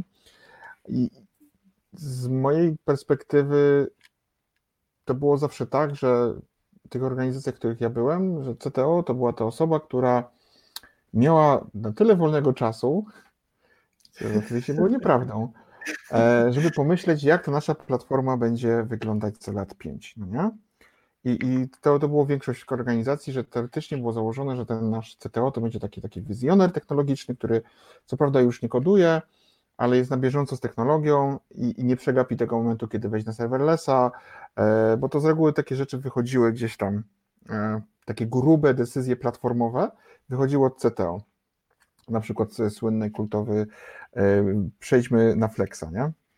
E, gdzie w pewnej organizacji CTO podjął decyzję, od dzisiaj wszyscy piszemy we Flexie, e, porzucamy te mm, dziwne frameworki, e, wtedy jeszcze JavaScript nie był tak, tak mega rozbudowany jak teraz, community, ale i podjął taką decyzję, nie? I dla mnie CTO to jest bardzo często osoba, która po prostu podejmuje te decyzje strategiczne, decyzje technologiczne czyli AWS czy GCP, a może będziemy nie mieli clouda, bo to nie jest fajne i będziemy mieli tam swoją serwerownię. Nie? E, idziemy w serverless albo nie, inwestujemy w ML-a, znaczy teraz już wszyscy. E, ale jak gdyby te strategiczne decyzje zawsze były w moim przypadku e, po stronie, po stronie CTO. Okej. Okay. I raczej się CTO spodziewać w dużych firmach? Jak rozumiem, Spodziewam się raczej taki CTO właśnie podejmujący te duże decyzje w tych e, w tych dużych firmach, no bo w tych mniejszych tak naprawdę ten CTO to bardzo często jest architekt, nie? W przebraniu CTO, no bo też jak gdyby prestiż firmy rośnie, jak ma CTO, nie? E, więc e, ale w dużych firmach tak spodziewałbym się nawet do, do kilku CTO, nie? Mi się wydaje, że, że takim przykładem jest nawet Amazon, nie? Gdzie oni mają kilku kilku CTO i to w zależności od tam, po prostu ci CTO są odpowiedzialni za jakiś tam obszar. Nie, że to był Amazon czy Netflix, już nie pamiętam. E, ale po prostu ci CTO byli odpowiedzialni za wizję konkretną, techniczną wizję, taką nie na zasadzie jak nasze klasy wyglądają i gdzie trzymamy kod, e, ale strategicznie, na poziomie strategicznym to, to, to, to okay. podejmowali decyzje CTO. Nie? Super. Michale, w niektórych organizacjach jeszcze było tak, że w jednej, gdzie CTO był, taka jego rola była taka sprowadzona do tłumaczenia z programistycznego na biznesowe. E, bo człowiek był wybitnie e, komunikatywny i, i był w stanie biznesowi wytłumaczyć, dlaczego my tego feature'u nie dowieziemy na wczoraj. Nie? No bo fizyka. E, nie da się wstecz w czasie podróżować. I, I, często też widziałem taką właśnie, przynajmniej ten, ten człowiek jakoś mm, zrzucił te, te sprawy tych decyzji technologicznych na architektów, a on głównie tłumaczył, tłumaczył biznesowi, dlaczego nie możemy, nie? I dlaczego musimy ten techniczny dług zredukować i tak dalej. To, to też, wiesz, tak jak architekci, no to jest mega nieopisane, co robi CTO, nie? Znaczy, no ja tak jak wspominałem, w CTO raczej nie miałem okazji pracować, więc tutaj się nie wypowiem. E, no i tyle. Okej. Okay. To ja mam jeszcze tylko jedno pytanie z tej sekcji. Dawaj. A, chyba chcieliśmy to samo. Jakich procesów można się spodziewać Dokładnie. w małych, średnich, dużych firmach? Czy, czy to jest tak, bo ja mam, nie wiem, może doświadczenia, czy może jakiś taki mit w mojej głowie siedzi, że z reguły w dużych firmach te procesy są i są zdefiniowane i to jest wada, zaleta. I możemy tu nawet powiedzieć o stricte technicznych, tak? Czy na przykład, nie wiem, jak pracuję w projekcie dużym, dla dużej korporacji, to wiadomo, że tam będę musiał pomyśleć o czymś takim jak CICD, nie wiem, być może jakieś wdrożenie na chmurę i tak dalej. Na pewno będą unit testy, a w małych firmach jest ta elastyczność, że czy nawet, nie wiem, w, w startupach, że no, u nas się liczy produkt, tak, i nie wiem, kasa, żeby to dowieść, tak, więc ta, cała ta otoczka jest mniej ważna, więc nie skupiamy się, nie wiem, tak bardzo na unit testach, bo ważne, że działa, chociaż trochę, tak, i inwestor da pieniądze, możemy później te unit testy doklepać. Jarku, Wiesz co, co wydaje mi się, że e, i w startupach i takich firmach, e, które ja chyba najbardziej lubię, tak wiesz, 100-150 osób, e, że, że to jest o tyle fajne, że pewne rzeczy się trzeba wychodzić. Trzeba po prostu znać właściwych ludzi. I, i, i, tak to, I tak to w większości w tych firmach takich niezbyt dużych wygląda, nie? że one gdzieś tam mocno polegają na, na osobach, i, I, jeśli ty wiesz, do kogo pójść, to, to jesteś w stanie wszystko załatwić, nie? W korporacjach w większości no to jest to wszystko. Co załatwić, załatwić mogę, tak, ja się zgadzam. Tylko hmm. pytanie, czy jak ja przychodzę do takiej firmy i na przykład, nie wiem, no chciałbym, żeby były unit testy, to no. moim zdaniem, wiadomo, że pewnie to też zależy od zespołu i tak dalej, ale prędzej tych, te unit testy zobaczę w korporacji niż w startupie. Kłóciłbym się. Kłóciłbyś się. O, to dobrze, bo to znaczy, że, że, że, że to może to jest stereotyp, nie? Yy, to wydaje mi się, że yy, startupy i małe firmy po pierwsze yy, przyciągają pewien typ osób mentalnie, które są mhm. chętne na zmianę i otwarte na zmianę. I, I po prostu wiele razy w takich mniejszych firmach czy, czy w startupach, nawet gdzie tam robiłem szkolenie i tak dalej, to widziałem takie podejście, dobra, jedziemy z tym, nie? Nie będziemy dyskutować, ciśniemy, no nie? E, bo chcemy sobie wdrożyć, nie wiem, testy wydajnościowe, e, a nie mieliśmy ich i to fajnie wygląda. A w przypadku takich dużych organizacji, mm, i to tam przykład sprzed kilku, kilku tygodni, to było, kurczę, ale to jest fajne, ale wiesz co, musimy pogadać z architektem. E, I w dużych organizacjach zawsze jest ta magiczna osoba, z którą musisz porozmawiać, żeby nastąpiła zmiana. I tutaj się zaczyna zabawa, nie? Czy tej osobie się chce? Czy ona w ogóle. Architekci mają to, że do siebie, że mają tak zwane opinie. E, I możesz przyjść i być mega podjarany, i on powie, że przeczytał artykuł. E, to, to jest bez sensu, no nie? E, I wiele razy, nawet takie tak, tak oczywiste rzeczy, które były tak logiczne do wprowadzenia, wymagały skomplikowanego procesu, wokół tego jeszcze był tak zwani gatunek menedżerów, którzy lubią świecić światłem odbitym. Jeżeli coś było fajnego, no nie, w sensie wdrażaliśmy TDD, wdrażaliśmy e, Continuous Integration, już nie mówmy o Continuous Deployment i Delivery, nie? ale Continuous Integration, no to to zawsze ten menadżer chciał, żeby to wyglądało, jakby to wyszło od niego, no nie? I to był mm -hmm. tak zwany gatunek świecimy światłem odbity, co powodowało, że to komplikuje, bo on musi zrobić prezentację, pokazać na spotkaniu zarządu, że, że on wdraża i jest innowacyjny, szczególnie jeśli organizacje miały programy innowacyjności gdzieś tam e, wdrożone, więc wydaje mi się, że zmiana jest bardziej możliwa e, w startupie, tylko ta zmiana musi być uzasadniona w sensie e, w związku z tym, że jest słabo zasobami i słabo z tak zwanym e, hajsem, no to w startupie, jeśli ty proponujesz testy, to, to my musimy wiedzieć, że to rzeczywiście realnie spowoduje, że my będziemy w stanie dostarczyć coś szybciej, nie? A, a w korpo ja po prostu z każdą, z każdą dziwnymi rzeczami to, to, to było bujanie się z masą ludzi, nie? Tak. No dobra, Zupełnie to chyba sekcję już byśmy zamknęli. No, no, no. Czekaj, jeszcze bym tylko ja może dodał, jak to jest. Jak to było u mnie w każdym razie, w, pewnie. na początku, na przykład w Software House, jak e, generalnie powiedziałbym, że to w sumie zależy może nie od wielkości firmy, czy tam od rodzaju, czy to jest Software House, czy Corpo, czy, czy startup, czy coś innego, tylko bardziej od dojrzałości ludzi, którzy tam pracują, a więc też dojrzałości samej firmy, E, bo może być mała firma, ale jeżeli ona zatrudni osoby, które mają dziesięcioletnie doświadczenie, to tam mur beton będą unit testy, postawiony CI, tam wszystko będzie, nie? Ja pamiętam nawet jak ja za- zaczynałem jako junior w tym Software House'ie, to, to tam jest problem, problem z młodymi programistami jest taki, że nie wiedzą, czego nie wiedzą i nie wiedzą, że coś takiego jest jak CI, jak, jak nie wiem, Jenkins, Bitrise, nie wiem czego wy chłopaki używacie, e, czegokolwiek innego. I tam faktycznie przez długi czas tego nie mieliśmy, nie pisaliśmy unit testów, e, nie mieliśmy chyba CI-a przez chwilę, tak mi się wydaje. I dopiero potem, po roku, czy po dwóch, czy po trzech zaczęło to powstawać.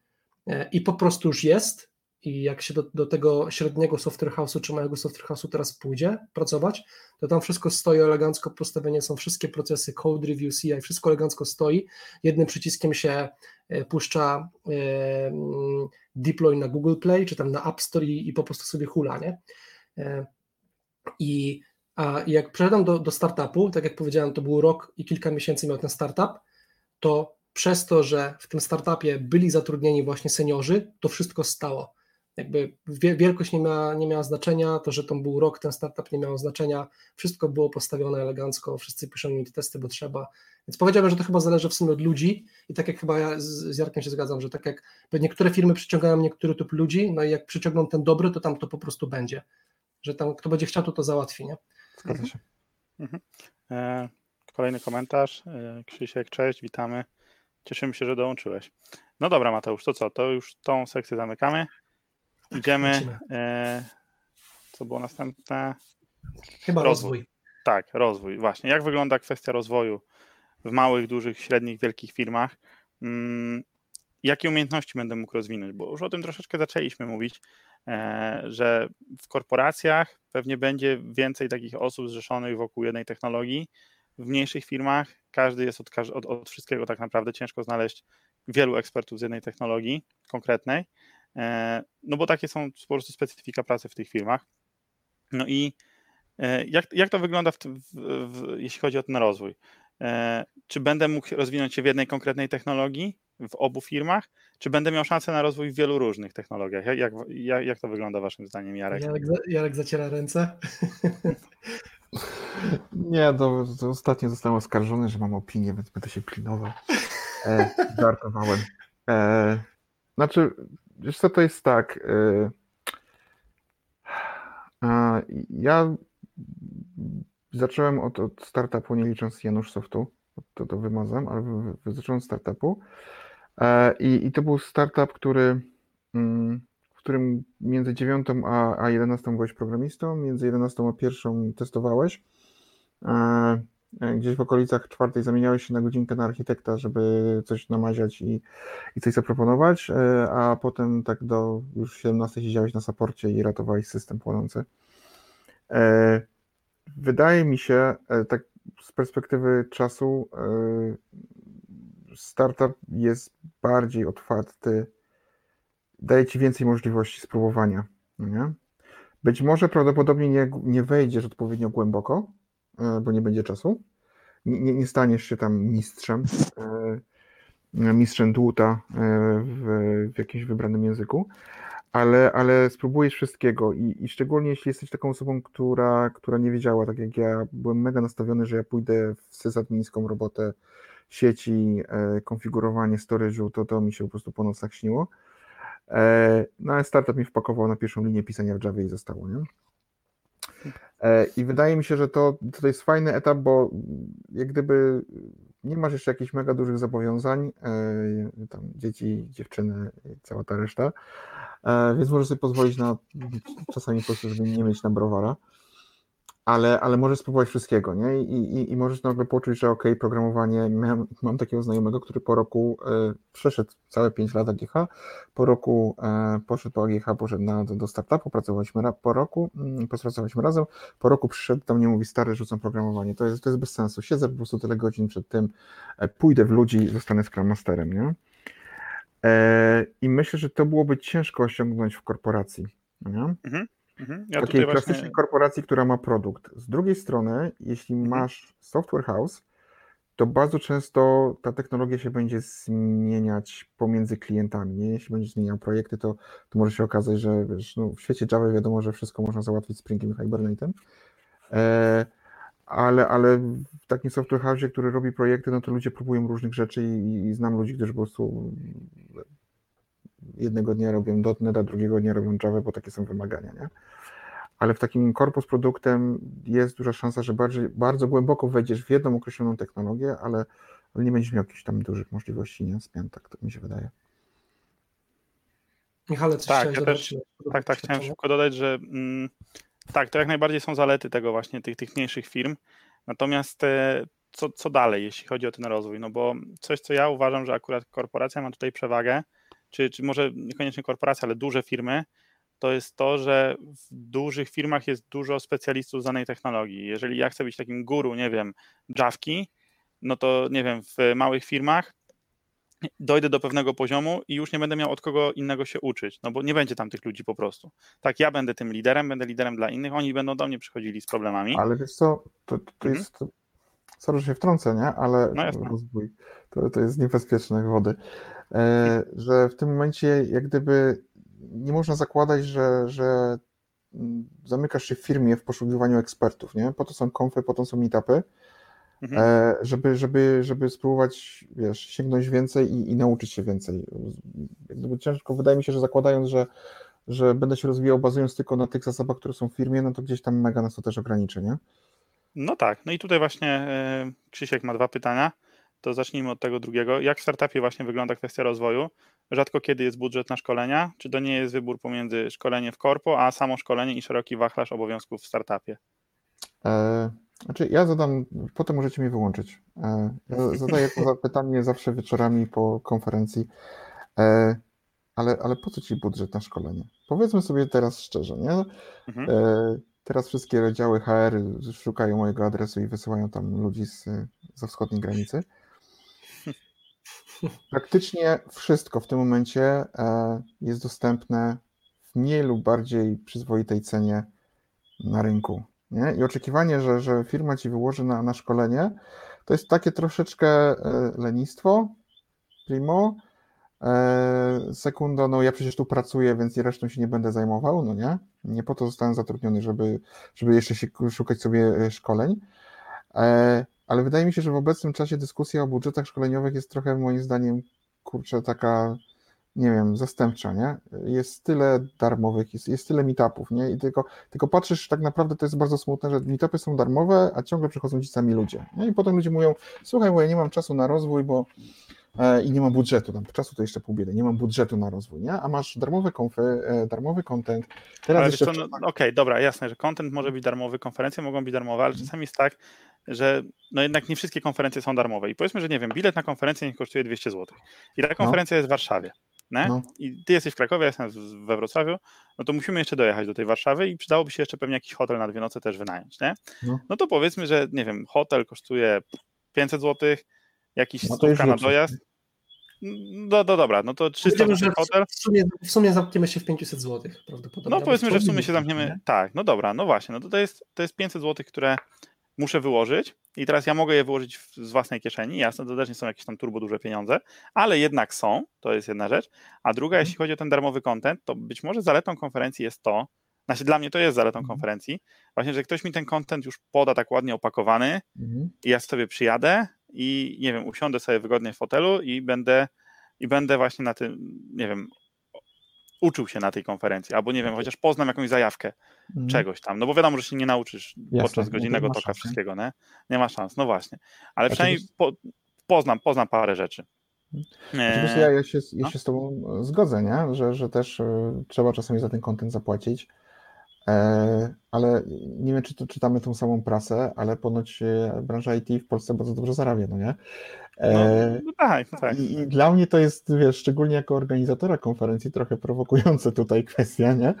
Ale, ale bardzo jest często tak, że, że my zostaliśmy już tak rozpieszczeni do, po, po granicę rozkoszy, że nawet, wiesz, firmy nam układają ścieżki kariery.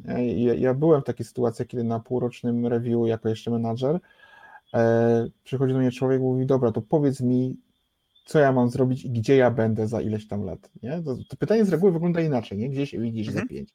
Mhm. E, no bo firma powinna mi zapewnić rozwój. E, I to jest strasznie niebezpieczne oddawanie swojego rozwoju w cudze ręce. Tak, nie? zdecydowanie. E, więc wydaje mi się, że naprawdę bardzo dużo przyzwoitego kontentu e, jesteś w stanie. Jedyny problem, nie, który, jakby, wydaje mi się, że to nie, nie pieniądze są problemem w rozwoju. Nie? Problemem w rozwoju jest czas. Mhm. E, no i właśnie tutaj, tutaj, tutaj Krzysztof na przykład znowu kontynuuje, że właśnie w korpo już jest czas na to, żeby, żeby zrobić sobie jakieś szkolenie. Tak, bo, bo korpo ma fantastyczne opóźnienia pomiędzy akcją i reakcją, więc ja najwięcej się nauczyłem programowania, będąc menadżerem w korpo, mhm. e, ponieważ pisałem maila i wiedziałem, że zanim ktoś ogarnie kuwetę i mi odpowie, to ja mogę sobie odczytać, tam otworzyć stronkę i Ale... poczytać, no nie? nie tylko w korpo jest czas na to. W, w małym software house też jest na to czas, o dziwo. I to też zależy od tego, te wszystkie benefity moim zdaniem zależą też od ludzi, bo tak. byłyby pieniądze na konferencje. Popatrzcie, jak to jest, że, że w firmach mamy e, owocowe piątki, mamy pizzę w czwartki, mamy ping-ponga, e, mamy e, bilbo, mamy ten... I wyjście w tygodniu. No. PlayStation wyjście w tygodniu, a nie ma kasy na konferencję, tak? No to my sami zdefiniowaliśmy nasze potrzeby i teraz tak. są nam dawane przez to, że programiści nie, nie mówią na rozmowach rekrutacyjnych o to, a czy w benefitach jest dodatkowy jakiś dzień wolnego na konferencję albo jakiś budżet przeznaczony, nie pytamy o to, pytamy o to, czy są owoce, jest PlayStation i Chill Room, nie? Więc sami ja jesteśmy... zapytać, e, czy ja mam w miesiącu dzień na tak zwany rób co chcesz, no nie? A mhm. teraz, teraz e, w obecnej firmie mam tak zwany do what you, don't, do what you want Thursday? Yeah, Ale masz super. Tak? E, różnie bywa z wykorzystaniem tego, nie? Bo wiadomo, że tam sytuacje są napięte, szczególnie ostatnio. Ale, ale to jest, e, to, to są takie rzeczy, gdzie my zakładamy, że przeprowadzamy eksperymenty, uczymy się. Założenie jest takie, że te rzeczy, które produkujemy w ten czwartek są związane z usprawnieniami w ramach, żeby jak gdyby nie, nie szło to, że nagle ja zacznę Arduino robić e, w Neo4j, no nie? Więc założenie jest takie, że mm, My poświęcamy to na usprawnienie istnienia tych rzeczy, na przykład nie wiem, podmianę parsera w naszej bazie danych do naszego języka, nie? podmianę mechanizmu przechowywania y, obsługi page cache i tak dalej. Albo nauczenie I, się jakiejś technologii, tak? Albo nauczenie się technologii, ale jakby w kontekście tego, te, tego tak, produktu. Tak, tak, tak, tak, I, tak, i, i potem oczywiście mamy gdzieś tam obowiązek, zrobić z tego demo dla zespołu, więc to nie jest tak, że mhm. ja z tego zyskuję tylko i wyłącznie, że potem w moim eksperymencie ja wystawiam w jakiś dzień demo i pokazuję zespołowi, patrzcie, no spróbowałem tego, tak to wygląda. I wiele rzeczy bardzo fajnych, mega fajnych wyszło. E, wiele feature'ów Neo4j, ja tak wiesz, teraz mógłbym się pokazać, bo one powstały po prostu w czasie tego magicznego czwartku, no nie? No nawet to jest, to jest słynna historia z Gmailem, tak, że Gmail to jest produkt Google, który też gdzieś tam ktoś kiedyś po prostu sobie Więc, więc wiesz, e, firmy, e, firmy powinny po pierwsze, i to jakby ten mechanizm, który mi się bardzo podoba, po prostu jeśli jest ten budżet na szkolenia, to ten budżet wygląda tak, że firma ci daje powiedzmy 500 zł miesięcznie i ty to wydajesz na szkolenia, ale nie ma takiej sytuacji, że to musisz z kimś uzgodnić, dyskutować, nie? Mhm. Dostać pieczątkę, że na, na Geekona możesz pojechać, na Devoxa nie, tego typu rzeczy, dyskusje. E, albo czy to jest ci potrzebne w pracy. E, a z drugiej strony dać ludziom czas, no nie? A, I wydaje mi się, że, że powiedzenie, słuchaj, no masz ileś tam, nie wiem, dzień w miesiącu, dzień w tygodniu na po prostu, nie godzinę w tygodniu, bo gdyby, żeby się nauczyć, potrzebujesz konsekwentnie, jak gdyby ciągłej, ciągłego czasu. Nie? To nie może być godzinka. W godzinkę to ja sobie znajdę artykuły do przeczytania i będziesz po tej godzinie. No, nie? no tak, zgadza się. E, I wydaje mi się, że, że bardzo dużo rozwoju od tego, jak on wygląda, zależy od nas. Nie? I oczekiwanie, że ktoś go za nas załatwi, no to potem jak gdyby nie narzekajmy, nie? że stoimy w miejscu, że się nie rozwijamy, że nie dostajemy podwyżki, awansu i tak dalej. Ja się zgadzam Bo w 100%. Ja, ja wiem, że to też strasznie teraz zabrzmiało agresywnie. E, staram się na starość uspokoić, ale ten temat mnie strasznie drażni. Nie? Nie, bo, bo na, nawet tutaj padł taki, taki mhm. certyfikaty AWS, nie wiem ile to kosztuje, jeżeli to jest kilka tysięcy, no to może i tak warto wydać to kilka tysięcy, bo to się zmonetyzuje potem w naszej wyższej wypłacie w którymś momencie. Co, ja znam to jest kwestia inwestycji w siebie chyba.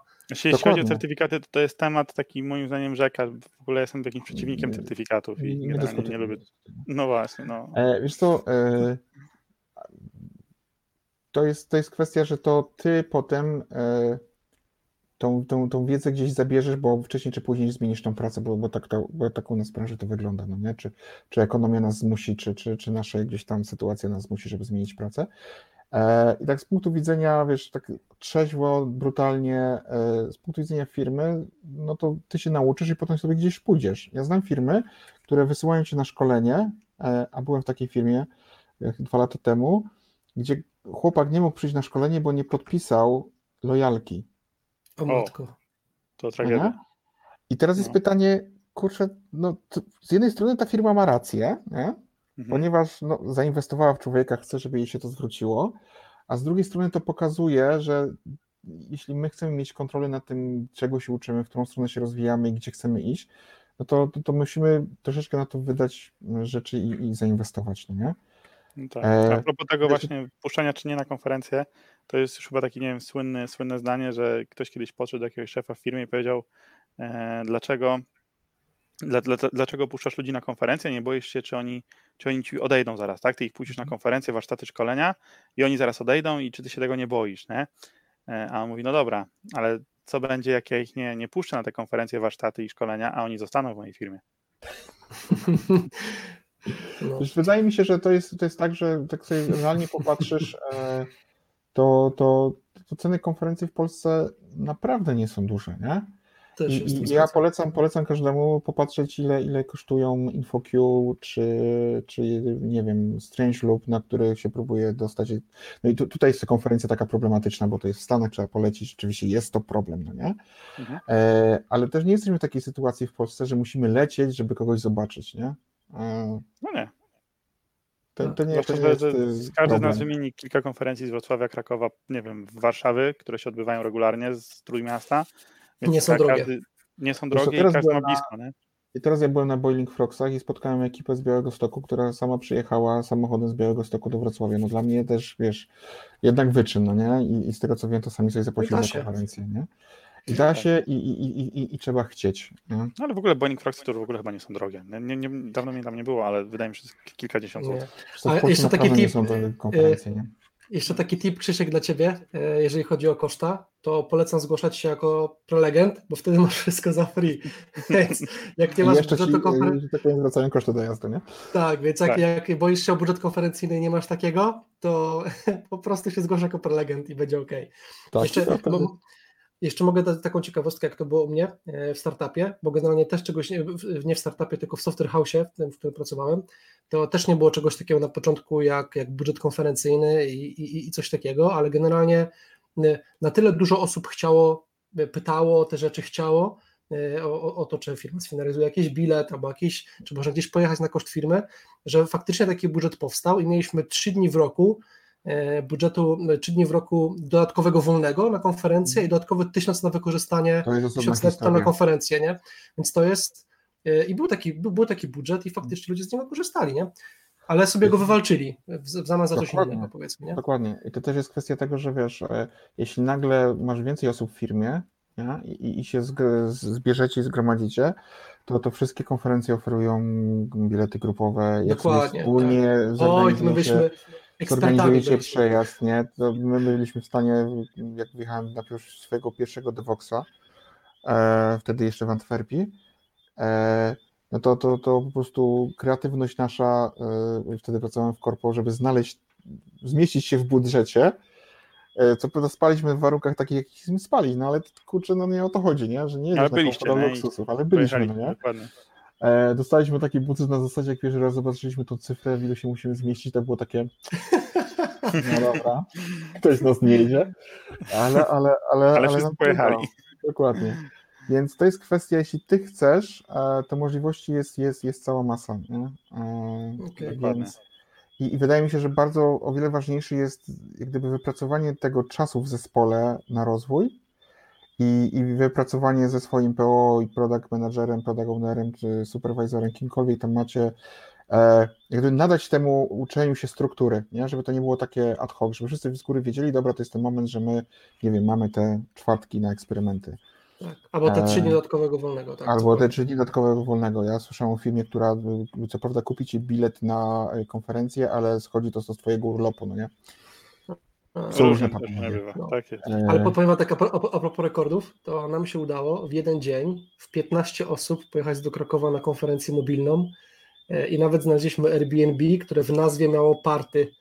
Były tam łóżka O. piętrowe i tak po prostu, no nie będę mówić co tam się działo, bo sobie pojechaliśmy dzień wcześniej, ale w 15 Dotarliście na osób rekord. konferencję? E, Dotarliśmy, może nie na No pierwsze dobra. prelekcje, ale było tak. Ale wiesz, jest jeszcze jeden aspekt rozwoju, nie? Taki kurczę, który gdzieś tam przegapiamy.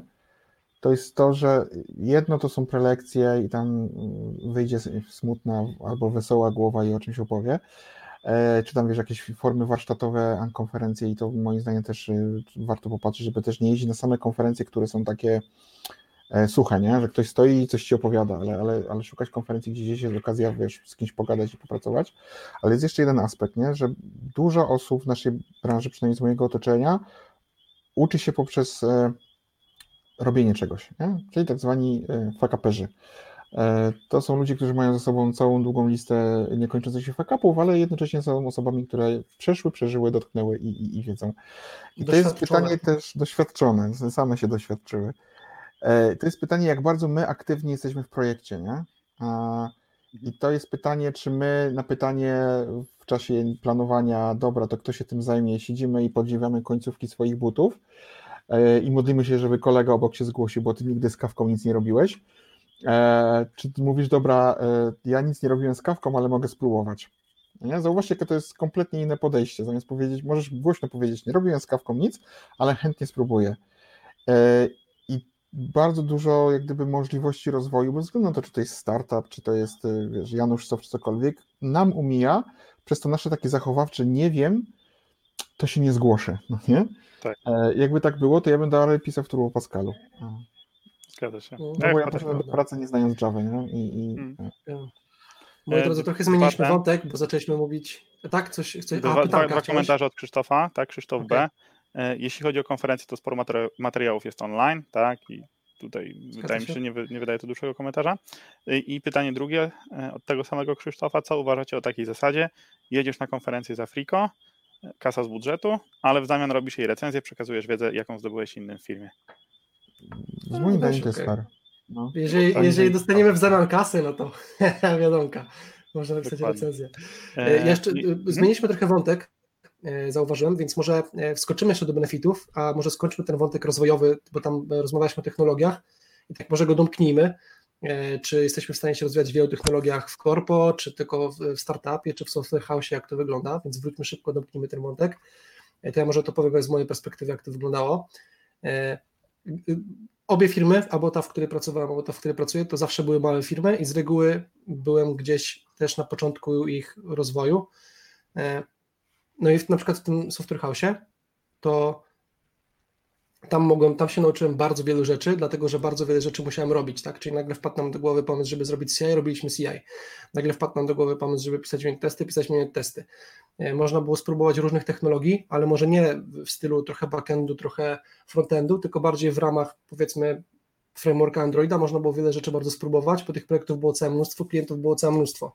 Z tymi klientami trzeba było rozmawiać, więc ja nas przy swojej karierze w tym software house miałem kilkunastu albo kilkudziesięciu różnych klientów, E, każdy z innego kraju, e, więc umiejętności miękkie to był taki boost po prostu, tak? Komunikacyjny, umiejętności miękkich, więc organizacyjnych, więc powiedziałbym, że w takim software house, a przynajmniej w małym software house, e, jest taki ogromny rozwój, fa- faktycznie taki szeroki i wszystkich umiejętności, nie tylko skilli technicznych, ale też tych miękkich. I ja sobie na przykład to bardzo cenię dzisiaj, bo jest mi dzięki temu łatw, łatwiej w startupie e, rozmawiać od razu gdzieś tam z konfunderem, z szefem, bo umiem, już się tego nauczyłem e, z dziesięcioma innymi klientami, już się tego nie boję, więc mogę mieć bezpośredni dostęp nawet do CEO firmy produktowej, w której jestem, bez problemu, nie? Więc to sobie na przykład cenię z rozwoju.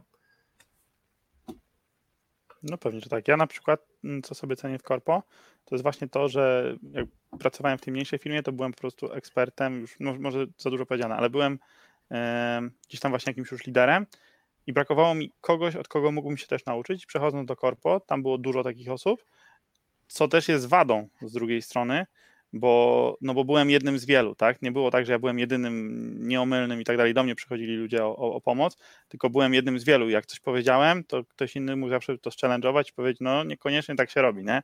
Nie wiem, w Nowym Jorku jak się leci, z, jedzie z lotniska do centrum, można pojechać albo taniej, albo szybciej. Obie drogi cię w końcu doprowadzą na ten sam dworzec, tylko albo szybciej, albo, a, a, albo taniej, tak? I nie ma lepszej, gorszej, to w zależności co preferujesz. I teraz jak ja wyskakuję z jakimś pomysłem, który jest na przykład tańszy, to ktoś inny może powiedzieć, no nie, ale możemy to zrobić szybciej. Tak? I, i, i to też ma swoje wady. Natomiast w samym kontekście rozwoju cenię sobie to, że właśnie w korpo jest więcej takich osób, które są ode mnie lepsze po prostu i od których mogę się uczyć. Dobra, to ja bym przeszedł już do ostatniej sekcji, bo gadamy półtorej godziny. Dzięki w ogóle wszystkim tym, którzy wytrzymali z nami już półtorej godziny. To, to jest wyczyn mamy pozorom. Ostatnią sekcję mamy. Tak, e, benefity. Benefity, benefity. Trochę, trochę e, już o nich powiedzieliśmy. No, tak dlatego trochę. łatwiej będzie przejść, nie? E, na jakie benefity mogę liczyć w korpo i w mniejszych firmach? No bo generalnie, jeśli chodzi o moje zdanie, to powiedziałbym, że dużym firmom łatwiej jest negocjować pe pewne benefity. Pracując w mniejszej, mieliśmy tak, że każdy chciał multisporta, firma powiedziała, to były jeszcze te czasy, kiedy multisport był po prostu jakimś takim no wow, że nie, mam multisporta, to jestem kimś. E, no tak kiedyś było niestety. A e, teraz co z niego mają, jak wyjść z domu nie mogą? No, no właśnie. E, jakieś tam szkolenia online dzisiaj widziałem. Remote jest multisporta, wiesz. Tak, tak. Okay. No, i, no i właśnie firma nawet chciała nam dać tego multisporta. Powiedziała, no spoko, zapłacimy. E, ale multisport powiedział, że nie, jesteście za mali. Macie tam, nie wiem, 30-40 mhm. osób, to my wam nie no damy multisporta, nie? No tak, taki mieli, nie wiem, czy, nie wiem, czy tak dalej jest, nie? no, to, to, to dużym firmom moim zdaniem pewne benefity jest łatwiej negocjować, ale z drugiej strony pewne benefity jest łatwiej załatwić w mniejszej firmie. Jeżeli już sobie, nie wiem, stwierdzimy, że ok, to robimy sobie owocowe czwartki, no to jeśli to jest 10 osób, no to się wszyscy dogadają i owocowe czwartki pewnie to organizacja tego zajmuje dwa tygodnie. E, w korpo to niektórzy potrzebują jakiś zgód, nie wiem, musi być właśnie ten procurement i, i tak dalej, który za to zapłaci i sam proces trwa, nie wiem, trzy miesiące, a w pewnym momencie ktoś może go zastopować i powiedzieć, nie wiem, jeden z 50 menadżerów w kolejce akceptacji może powiedzieć, że no nie, nie możemy zrobić owocowych czwartków, bo to musielibyśmy to wdrożyć wtedy w całej firmie, we wszystkich biurach, we wszystkich oddziałach, e, no i nie ma na to zgody, nie ma na to budżetu. Także z tymi benefitami różnie bywa.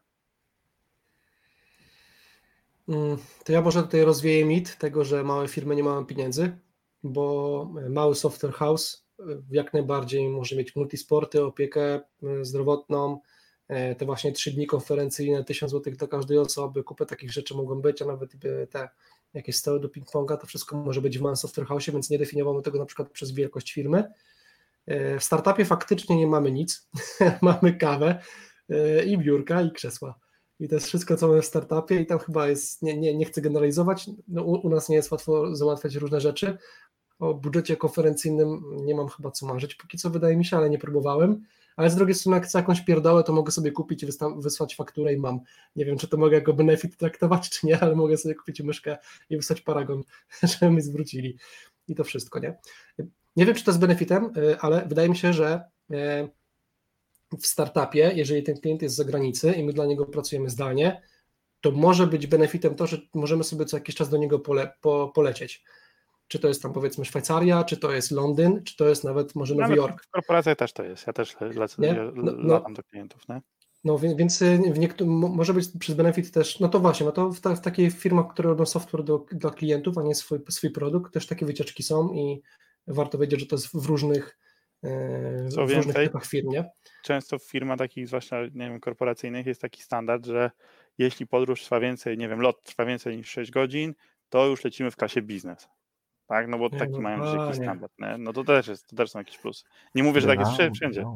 Wow, wow. E, nie, nie leciałem w biznes klasie. Dobra, dobra.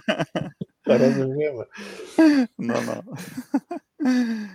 E, No dobra. Jarek, coś dodasz w kwestii benefitów? Nie, myślę, że, że, że tak. No, start, no wiesz, startup nie ma mocy negocjacyjnych za bardzo, e, ale też jak gdyby łatwiej jest zorganizować zjazd dla wszystkich e, w firmie. E, tak jak ostatnio mieliśmy w NIO jakiś tam większy zjazd i prawdopodobnie był to nasz ostatni zjazd, bo już przekroczyliśmy magiczne 120 czy tam 100 ileś i ciężko znaleźć hotel, który przyjmie tylu programistów na trzy no to pomyśl sobie, jakie my mamy problemy, jak u nas jest 1500 osób i trzeba no. jechać 1500 osób. No nie ma zjazdów, tak? No nie, jeszcze, jeszcze są. Się. Hmm. Ja bym w sumie powiedział, że, że w startupach może nie ma tych benefitów, bo, tam, bo jak jest na przykład taka firma, która ma swoje pieniądze, e, po prostu swoje i nie jest zależna od nikogo, to może sobie wymyślać rzeczy i wydawać pieniądze na co chce i to jest kwestia decyzji szefa, na co je wyda. A w startupie często jest tak, że e, pieniądze są od inwestorów, i po prostu nie można nawet wydać na coś pieniądze. Nie? nie wiem na przykład, czy inwestorzy w mojej firmie po prostu by się zgodzili na to, żeby jakaś część ich hajsu szła na to, żebym ja sobie na trzy dni pojechał na jakąś konfę i żeby mi tą konfę kupić, więc tam to wydawanie no tak. pieniędzy też może być trudne, ale mogę się mylić, nie wiem. Jak tam u Ciebie jest w startupie, Jarek? No, my tam mamy chyba czwartą czy piątą rundę finansowania, więc, więc no na razie jest ok, ale, ale pieniądze są oglądane, nie? ale dosyć precyzyjnie, nie? I, ale przy czym no, to jest jak gdyby zrzucone tak troszeczkę na wszystkich, nie? że wszyscy odpowiedzialni jesteśmy za ten hajs, więc po prostu mądrze nim gospodarujmy. Nie? Jeśli rzeczywiście bardzo potrzebujesz, to, no to, to tego wydaj, ale, ale nie no, kasa jest oglądana z każdej strony, wiesz, no, cieszymy się z każdego nowego klienta. Dobra. Świętujemy każdego klienta, celebrujemy. Świetnie. Płaczemy za wchodzącymi, e... także. O, fajne pytanie akurat się pojawiło. Najbardziej odjechany benefit, jaki mieliście w firmie i tym możemy zamknąć tą sekcję. Panowie. Hmm.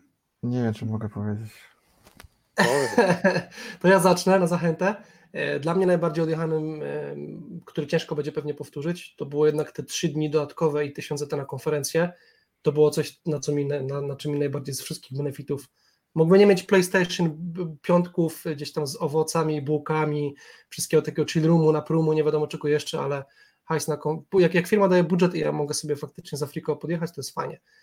Gdybym nie miał, to i tak bym pojechał, tak jak robię teraz, ale jednak z benefitów, jeżeli już ma mi coś dać firma, to to było najfajniejsze na mój rozwój jednak. Mhm. Ja bym powiedział teraz, może, może najbardziej, nie najbardziej odjechany, ale taki najbardziej, który najbardziej doceniam, to jest wbrew pozorom e, parking i że to miejsce jest. I zawsze jest. I jak przyjadę Jaki... o dziewiątej, to też, to też jest to miejsce. Jak przyjadę o dziesiątej, to też jest to miejsce. Jaki nietypowy. No, chyba, chyba tak bym powiedział. To się docenia. Jak masz dzieci w żłobku i musisz je odwieźć i czasami się spóźnić czy coś i nie wiem, jeszcze firma jest w centrum, to ten parking jest, jest naprawdę potrzebny.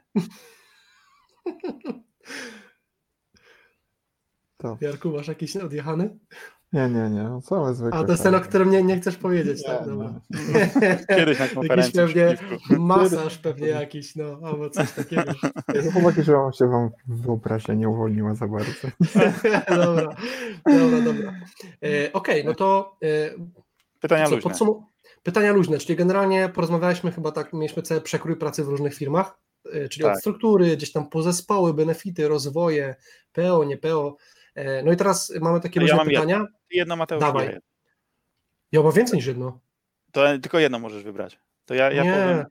No. Dobra, dobra, e, postaram się. Tipsy na rozmowę rekrutacyjną. Nie, bo chcę już to po prostu powoli kończyć, bo, bo już prawie dwie godziny. Ja wiem, już, już, już, długo mówimy, to prawda. Chłopaki, tipsy na rozmowę rekrutacyjną, porady, żeby spróbować daną firmę jakoś tam sklasyfikować. Wiadomo, że nie wiem, jeśli idziemy do, do jakiejś firmy w stylu, nie wiem, e, Facebook, to, to wiadomo, że to jest korpo, tak? Ale jeżeli jest jakaś firma i nie do końca wiemy, czy ona jest bardziej startupem, czy software house'em, to, to, to, to jakie, byli, jakie pytania należy zadawać na rozmowie kwalifikacyjnej?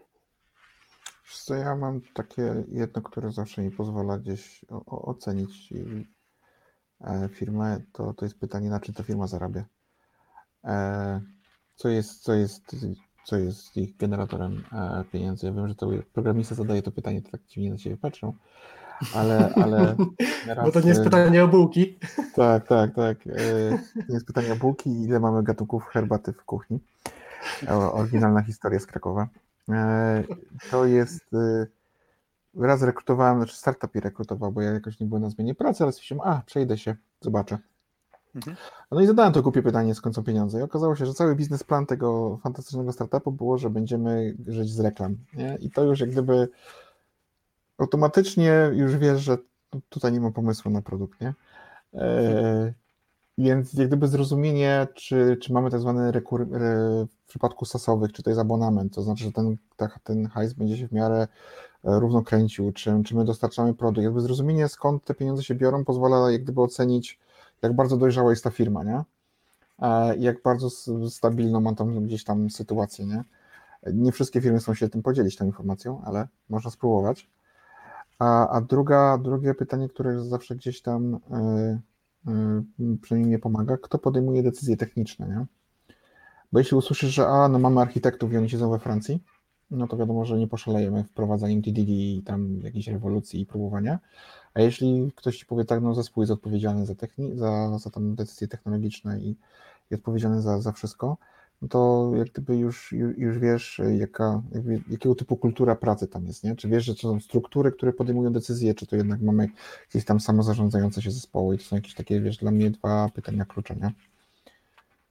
Jak, jak dużo jest swobody e, w tym, co robisz i, i, i tak naprawdę na czym firma zarabia, czy ona ma w ogóle pomysł na siebie, nie? Jak idziesz do korpo, no to nie ma sensu zadawać pytania, bo wszyscy wiedzą, na czym Facebook, Facebook zarabia, nie? No tak. Mateusz, zanim zadasz pytanie, to jeszcze zachęcę wszystkich naszych widzów, którzy są tutaj jeszcze razem z nami. Wpiszcie swoje pytania. To jest ostatni moment, żeby je zadać. Mateusz. Tak, powoli kończymy. E, tutaj w sumie poruszyłeś ważną kwestię, e, Jarku, bo faktycznie ten, ten, jak sam chyba wcześniej powiedziałeś, ten cash flow jest w sumie ważny, bo od niego bardzo wiele zależy. E, tak mi się wydaje, od tego, jak ta nasza praca będzie przebiegać i na co sobie będziemy mogli pozwolić. Dokładnie. Więc warto właśnie, te, też bym powiedział, że warto zapytać o, o, o to, y, skąd są pieniądze, bo na czym zarabia to jest, to jest ok, ale jeszcze mi to rozszerzyło to, e, jak bardzo jest uzależniona ta firma od inwestorów. Mhm. Bo jak idziemy do małej firmy i się cieszymy, że idziemy do małej firmy, to możemy się przestać cieszyć, jeżeli się dowiemy o tym e, po zatrudnieniu, że inwestor się na coś nie zgodził, mamy to zrobić na czwartek i go to nie obchodzi coś tam. Tak? tak. To jakby jest zupełnie nagadka, inwestorzy mogą bardzo wiele, więc warto chyba też pytać o inwestorów. Mhm. E, no i to klasyfikować sobie, jak duże są te zespoły, pytać, tak, jak, um, czy jest dostęp do klienta, o, to by też dla, tak, dla mnie było skąd, ważne. Skąd wymagania, no nie, to, to, to jest takie... Tak, właśnie, z, z kim rozmawiam, jak piszę projekt, to jest to, o, o, o, o co bym zapytał, czy jest produkt owner, albo jakiś klient, albo jakiś founder, albo ktokolwiek, czy jest jakiś manager, to też dużo powie, wydaje mi się, komunikacji, mm. e, która dla mnie też by była istotna, sobie tam cenię, jak ona jest bez, jak to nie jest głuchy telefon, tylko mogę faktycznie coś zapytać wprost konkretną osobę. To to moje pytania były, powiedzmy. PO i inwestorzy. Mhm. Ale to nie jest moje pytanie, ja nie, ale ja tak, nie zmarnowałem tak, swojego tak, pytania. Tak, nie, nie, nie. Tak, to były tipy, ale to jeszcze zanim tak. zadam pytanie, to czy ty nie chcesz dać jakichś typów? Ja? E, no. Jak pytać? Wiesz co? Chyba, chyba nie, ja się zgadzam z wami tutaj, co powiedzieliście. Nic się nie wymyślę, więc się nie będę tutaj jakoś e, błaźnił teraz. Dobra, to mam pytanie chyba nawet spoko. Y, też no. tak w sumie, y, tak mi się wydaje, żeby albo mi pomóc, albo też słuchaczom naszym, żeby rozwiać jakiś mit. Czy w korporacji jest czas i święty spokój? Wydaje mi się, że jest taki mit, że jak pójdę do korporacji, mam już dość startupów, mam dość moich projektów, pójdę do korpo, bo tam jest czas i święty spokój i będę mógł sobie pisać dany kod, ile tylko dni zapragnę. I teraz rzucam taki stereotyp i teraz co o tym myślimy? Czy to jest mit, czy nie mit? Jak to wygląda? To jest moje pytanie. Znaczy, to, pisania kodu nie będzie za dużo. E, naprawdę. E, wydaje mi się, że, że, że, to jest ostatnia rzecz, którą oczekują od ciebie korporacje, żebyś robił, pisał kod. E, piszesz kod, trzeba go potem wdrożyć, potem ten kod ma błędy, trzeba te błędy naprawiać, bez sensu. Nie? Sorki. Nie wydaje mi się, żeby, żeby w, w korpo był. Znaczy, wiadomo, że możesz sobie trafić do jakiegoś projektu, Znam takich ludzi, którzy mają produkt, który jest na rynku od 20 lat. Y, klienci, jak gdyby domena jest ustalona, tam się rewolucja nie odbywa, wszyscy wiedzą i to po prostu to ma działać. Nie? I jesteś takim.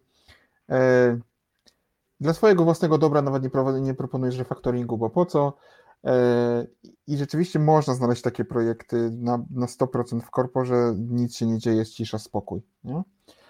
Ale wydaje mi się, że, że korpo, e, korporacje, przepraszam, korpo, korporacje są e, w takim strasznym miejscu, bo one muszą się szybko zmieniać, nie?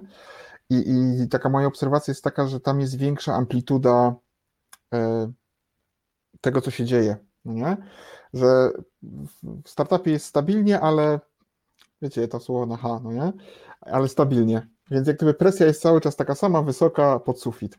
Korpo ma to do siebie, tak z mojej obserwacji, że są okresy spokoju, ciszy i nic się nie dzieje, i potem następuje rewolucja, bo konkurencja coś wypuściła, bo zmieniamy strategię, bo mm, nie wiem, zwolnili CTO, zmieniła się rada nadzorcza, CTO wprowadza swoich architektów, e, oni przychodzą swoimi pomysłami. I rzeczywiście tak z moich wspomnień z korporacji to, to były takie okresy, czasami nawet 2-3 miesiące tak patrzyłeś, mówisz, fajnie, sobie przychodzę o 7 i wychodzę sobie o 16, czasami o 15, bo nikt nie zauważy, bo mój cały zespół jest zdalnie. E, no i potem były takie miesiące, że po prostu się wychodziło o 22, 23, bo się, bo, bo się szyło coś na koniec, nie?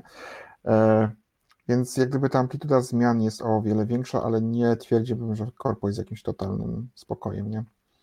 Tak, ja bym, to się zgadzam generalnie, że faktycznie to nie jest tak, może inaczej, przechodząc z software house'u do korpo, tak, zauważyłem, że kurczę, ale tu jest tak jakby spokojniej, może nie jest mniej do roboty, ale jakaś ta robota jest nie, nie, nie chcę powiedzieć, że miałem więcej czasu na granie na Xboxie, ale, ale generalnie było tak, że no było właśnie jakoś tak luźniej, o, tak bym to powiedział. Nie było takiej presji, że musimy dowozić, tak, jeszcze, jeszcze, jeszcze, mm. jeszcze, jeszcze, nie, że ten backlog był takim workiem bez dna, e, tylko ta praca była tak ustrukturyzowana.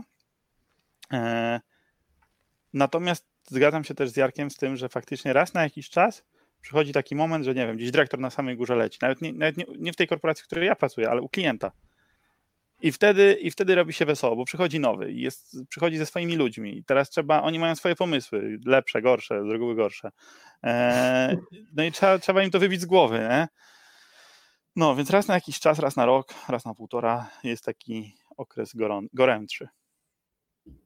Okej, okay, to ja jeszcze mogę dodać od siebie, że nie wiem jakie z korporacji, bo nigdy nie pracowałem, ale e, nie mam świętego spokoju i nie miałem aż tak wielkiego świętego spokoju, jeżeli go definiujemy w taki sposób, że mam spokojnie tyle czasu, ile chcę na wszystko, to mhm. tak chyba jeszcze e, tak nie miałem. Nie tak chyba nigdzie nie ma. No, w każdym razie e, w Software House jest chyba większe, wydaje mi się, ryzyko, przy to, że jest wiele projektów, że trafimy do jakiegoś nowego i trzeba się odnaleźć, potem trafimy do nowego i trzeba się odnaleźć. U nas jeszcze taka specyfika w mobilkach jest taka, że niektóre są bardzo krótkie i jak na przykład już zdążyliśmy sobie wypracować po czterech miesiącach święty spokój z danym klientem i się rozumiemy, to projekt się kończył, zaczynał się nowy, trzeba było wszystko od nowa z nowym klientem wypracowywać i wtedy, no, wtedy może, może było trochę ciężej. Podejrzewam, że w tych większych firmach, na przykład produktowych, no to tam po prostu się robi tą jedną rzecz i można sobie robić ją pewnie latami e, i wtedy, nawet jeżeli jest, nawet jeżeli wchodzi jakaś zmiana i nawet jeżeli jest na szybko, to i tak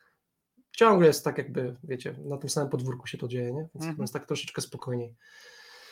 To to jest moje pytanie. Michale, chyba jeszcze ty możesz swoje. A nie, ty, nie. Ty, nie to Jarek ja może miałem. swoje. Pytania luźne. Jarek może ewentualnie jakieś takie spróbować zarzucić. Jak, jak masz. Jak masz, oczywiście. Nie, to mamy pytanie z publiczności. To może pytanie z publiczności.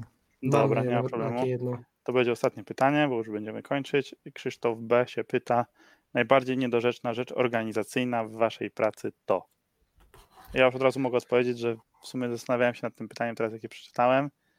Chyba nie ma jakiejś takiej najbardziej niedorzecznej rzeczy. W sensie, jakby była taka rzecz, to byłby dla mnie znak sygnału, że czas tę pracę zmienić, jeżeli jest coś niedorzecznego w niej. Mamy to szczęście, że generalnie pracy na rynku jest dużo i, i zmiana pracy to jest kwestia, nie wiem, tam pięciu dni i masz nową pracę.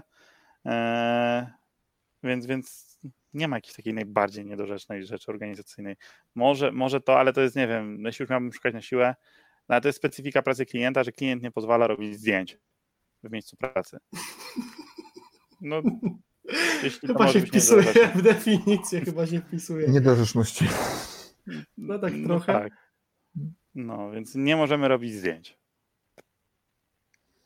I to A to jest w czasie przeszłym czy teraźniejszym ma być?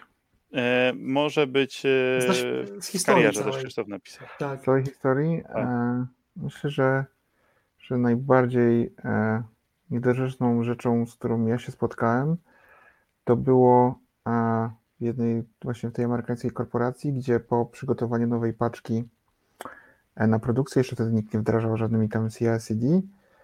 E, Wysyłaliśmy tą paczkę na serwer FTP i wypełnialiśmy w magicznym formularzu HTML komendy dla osoby po drugiej stronie oceanu, która ma zainstalować tą paczkę, e, nową wersję oprogramowania. E, To, to nigdy nie działało. Ja nie pamiętałem udanego wdrożenia. I my jako programiści nie mieliśmy dostępu do serwerów ani testowych, ani produkcyjnych. Były po prostu automaty białkowe po drugiej stronie, głównie Indie i, i Ameryka Południowa, gdzie po prostu my pisaliśmy, i najlepsze jest to oczywiście bariera językowa też robiła swoje, gdzie tłumaczyliśmy, że trzeba coś przelinkować przed skopiowaniem, no i to się nigdy nie udało, no nie. E, I wina była oczywiście po dwóch stronach, ale to było totalnie, kompletnie nie, nie, niedorzeczne dla mnie. I oczywiście tydzień, tydzień e, wygrzewania po zmianie, potem przez tydzień po prostu sprzątaliśmy po nieudanym deploymencie, nie? Także Mateusz? Okej.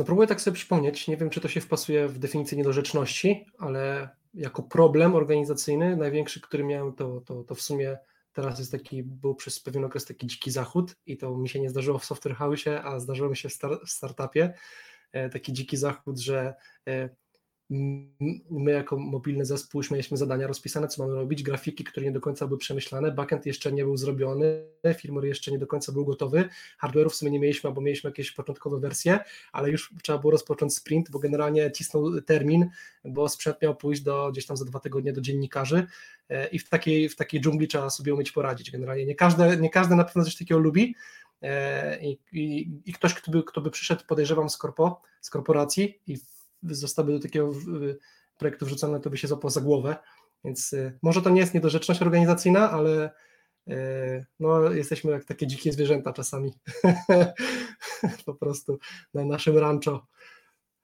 Ale No dowozimy, także no. Tak jest. To chyba byłoby na tyle dzisiaj. Dzięki O, wszystkim, którzy rozmowa. wytrzymali dwie godziny. Rekordowy odcinek, ale No, wiedzieliśmy, że z Jarkiem tak będzie. No i co, to dzięki, dzięki Jarek. Dzięki, serdecznie. Mateusz. Tak, trochę chyba sobie po, Dzięki. po, Mhm. puszczam jeszcze ten, puszczę jeszcze, y, trochę nam się dało pogadać. Dżingiel na koniec musi być. Oczywiście. No, moi drodzy, także żegnamy Was. E, Trochę nam się udało pogadać o strukturze firmy, rozwoju, benefitach. No, także wybierzcie teraz którąś dla siebie. Tak jest. I nie miejcie Na razie, do dzięki. Na razie. Do zobaczenia za miesiąc. Hej. Na tym zakończyliśmy. Z tą wiedzą myślę, że łatwiej przyjdzie nam teraz wybrać kolejną firmę, w której chcielibyśmy się rozwijać. Wiadomo, bez owocowych piątków to nawet nie ma co rozważać. Pamiętajcie o tym, że możecie nas znaleźć na Twitterze i Facebooku pod hasłem Piątki na produkcji. Do usłyszenia, a być może do zobaczenia następnym razem.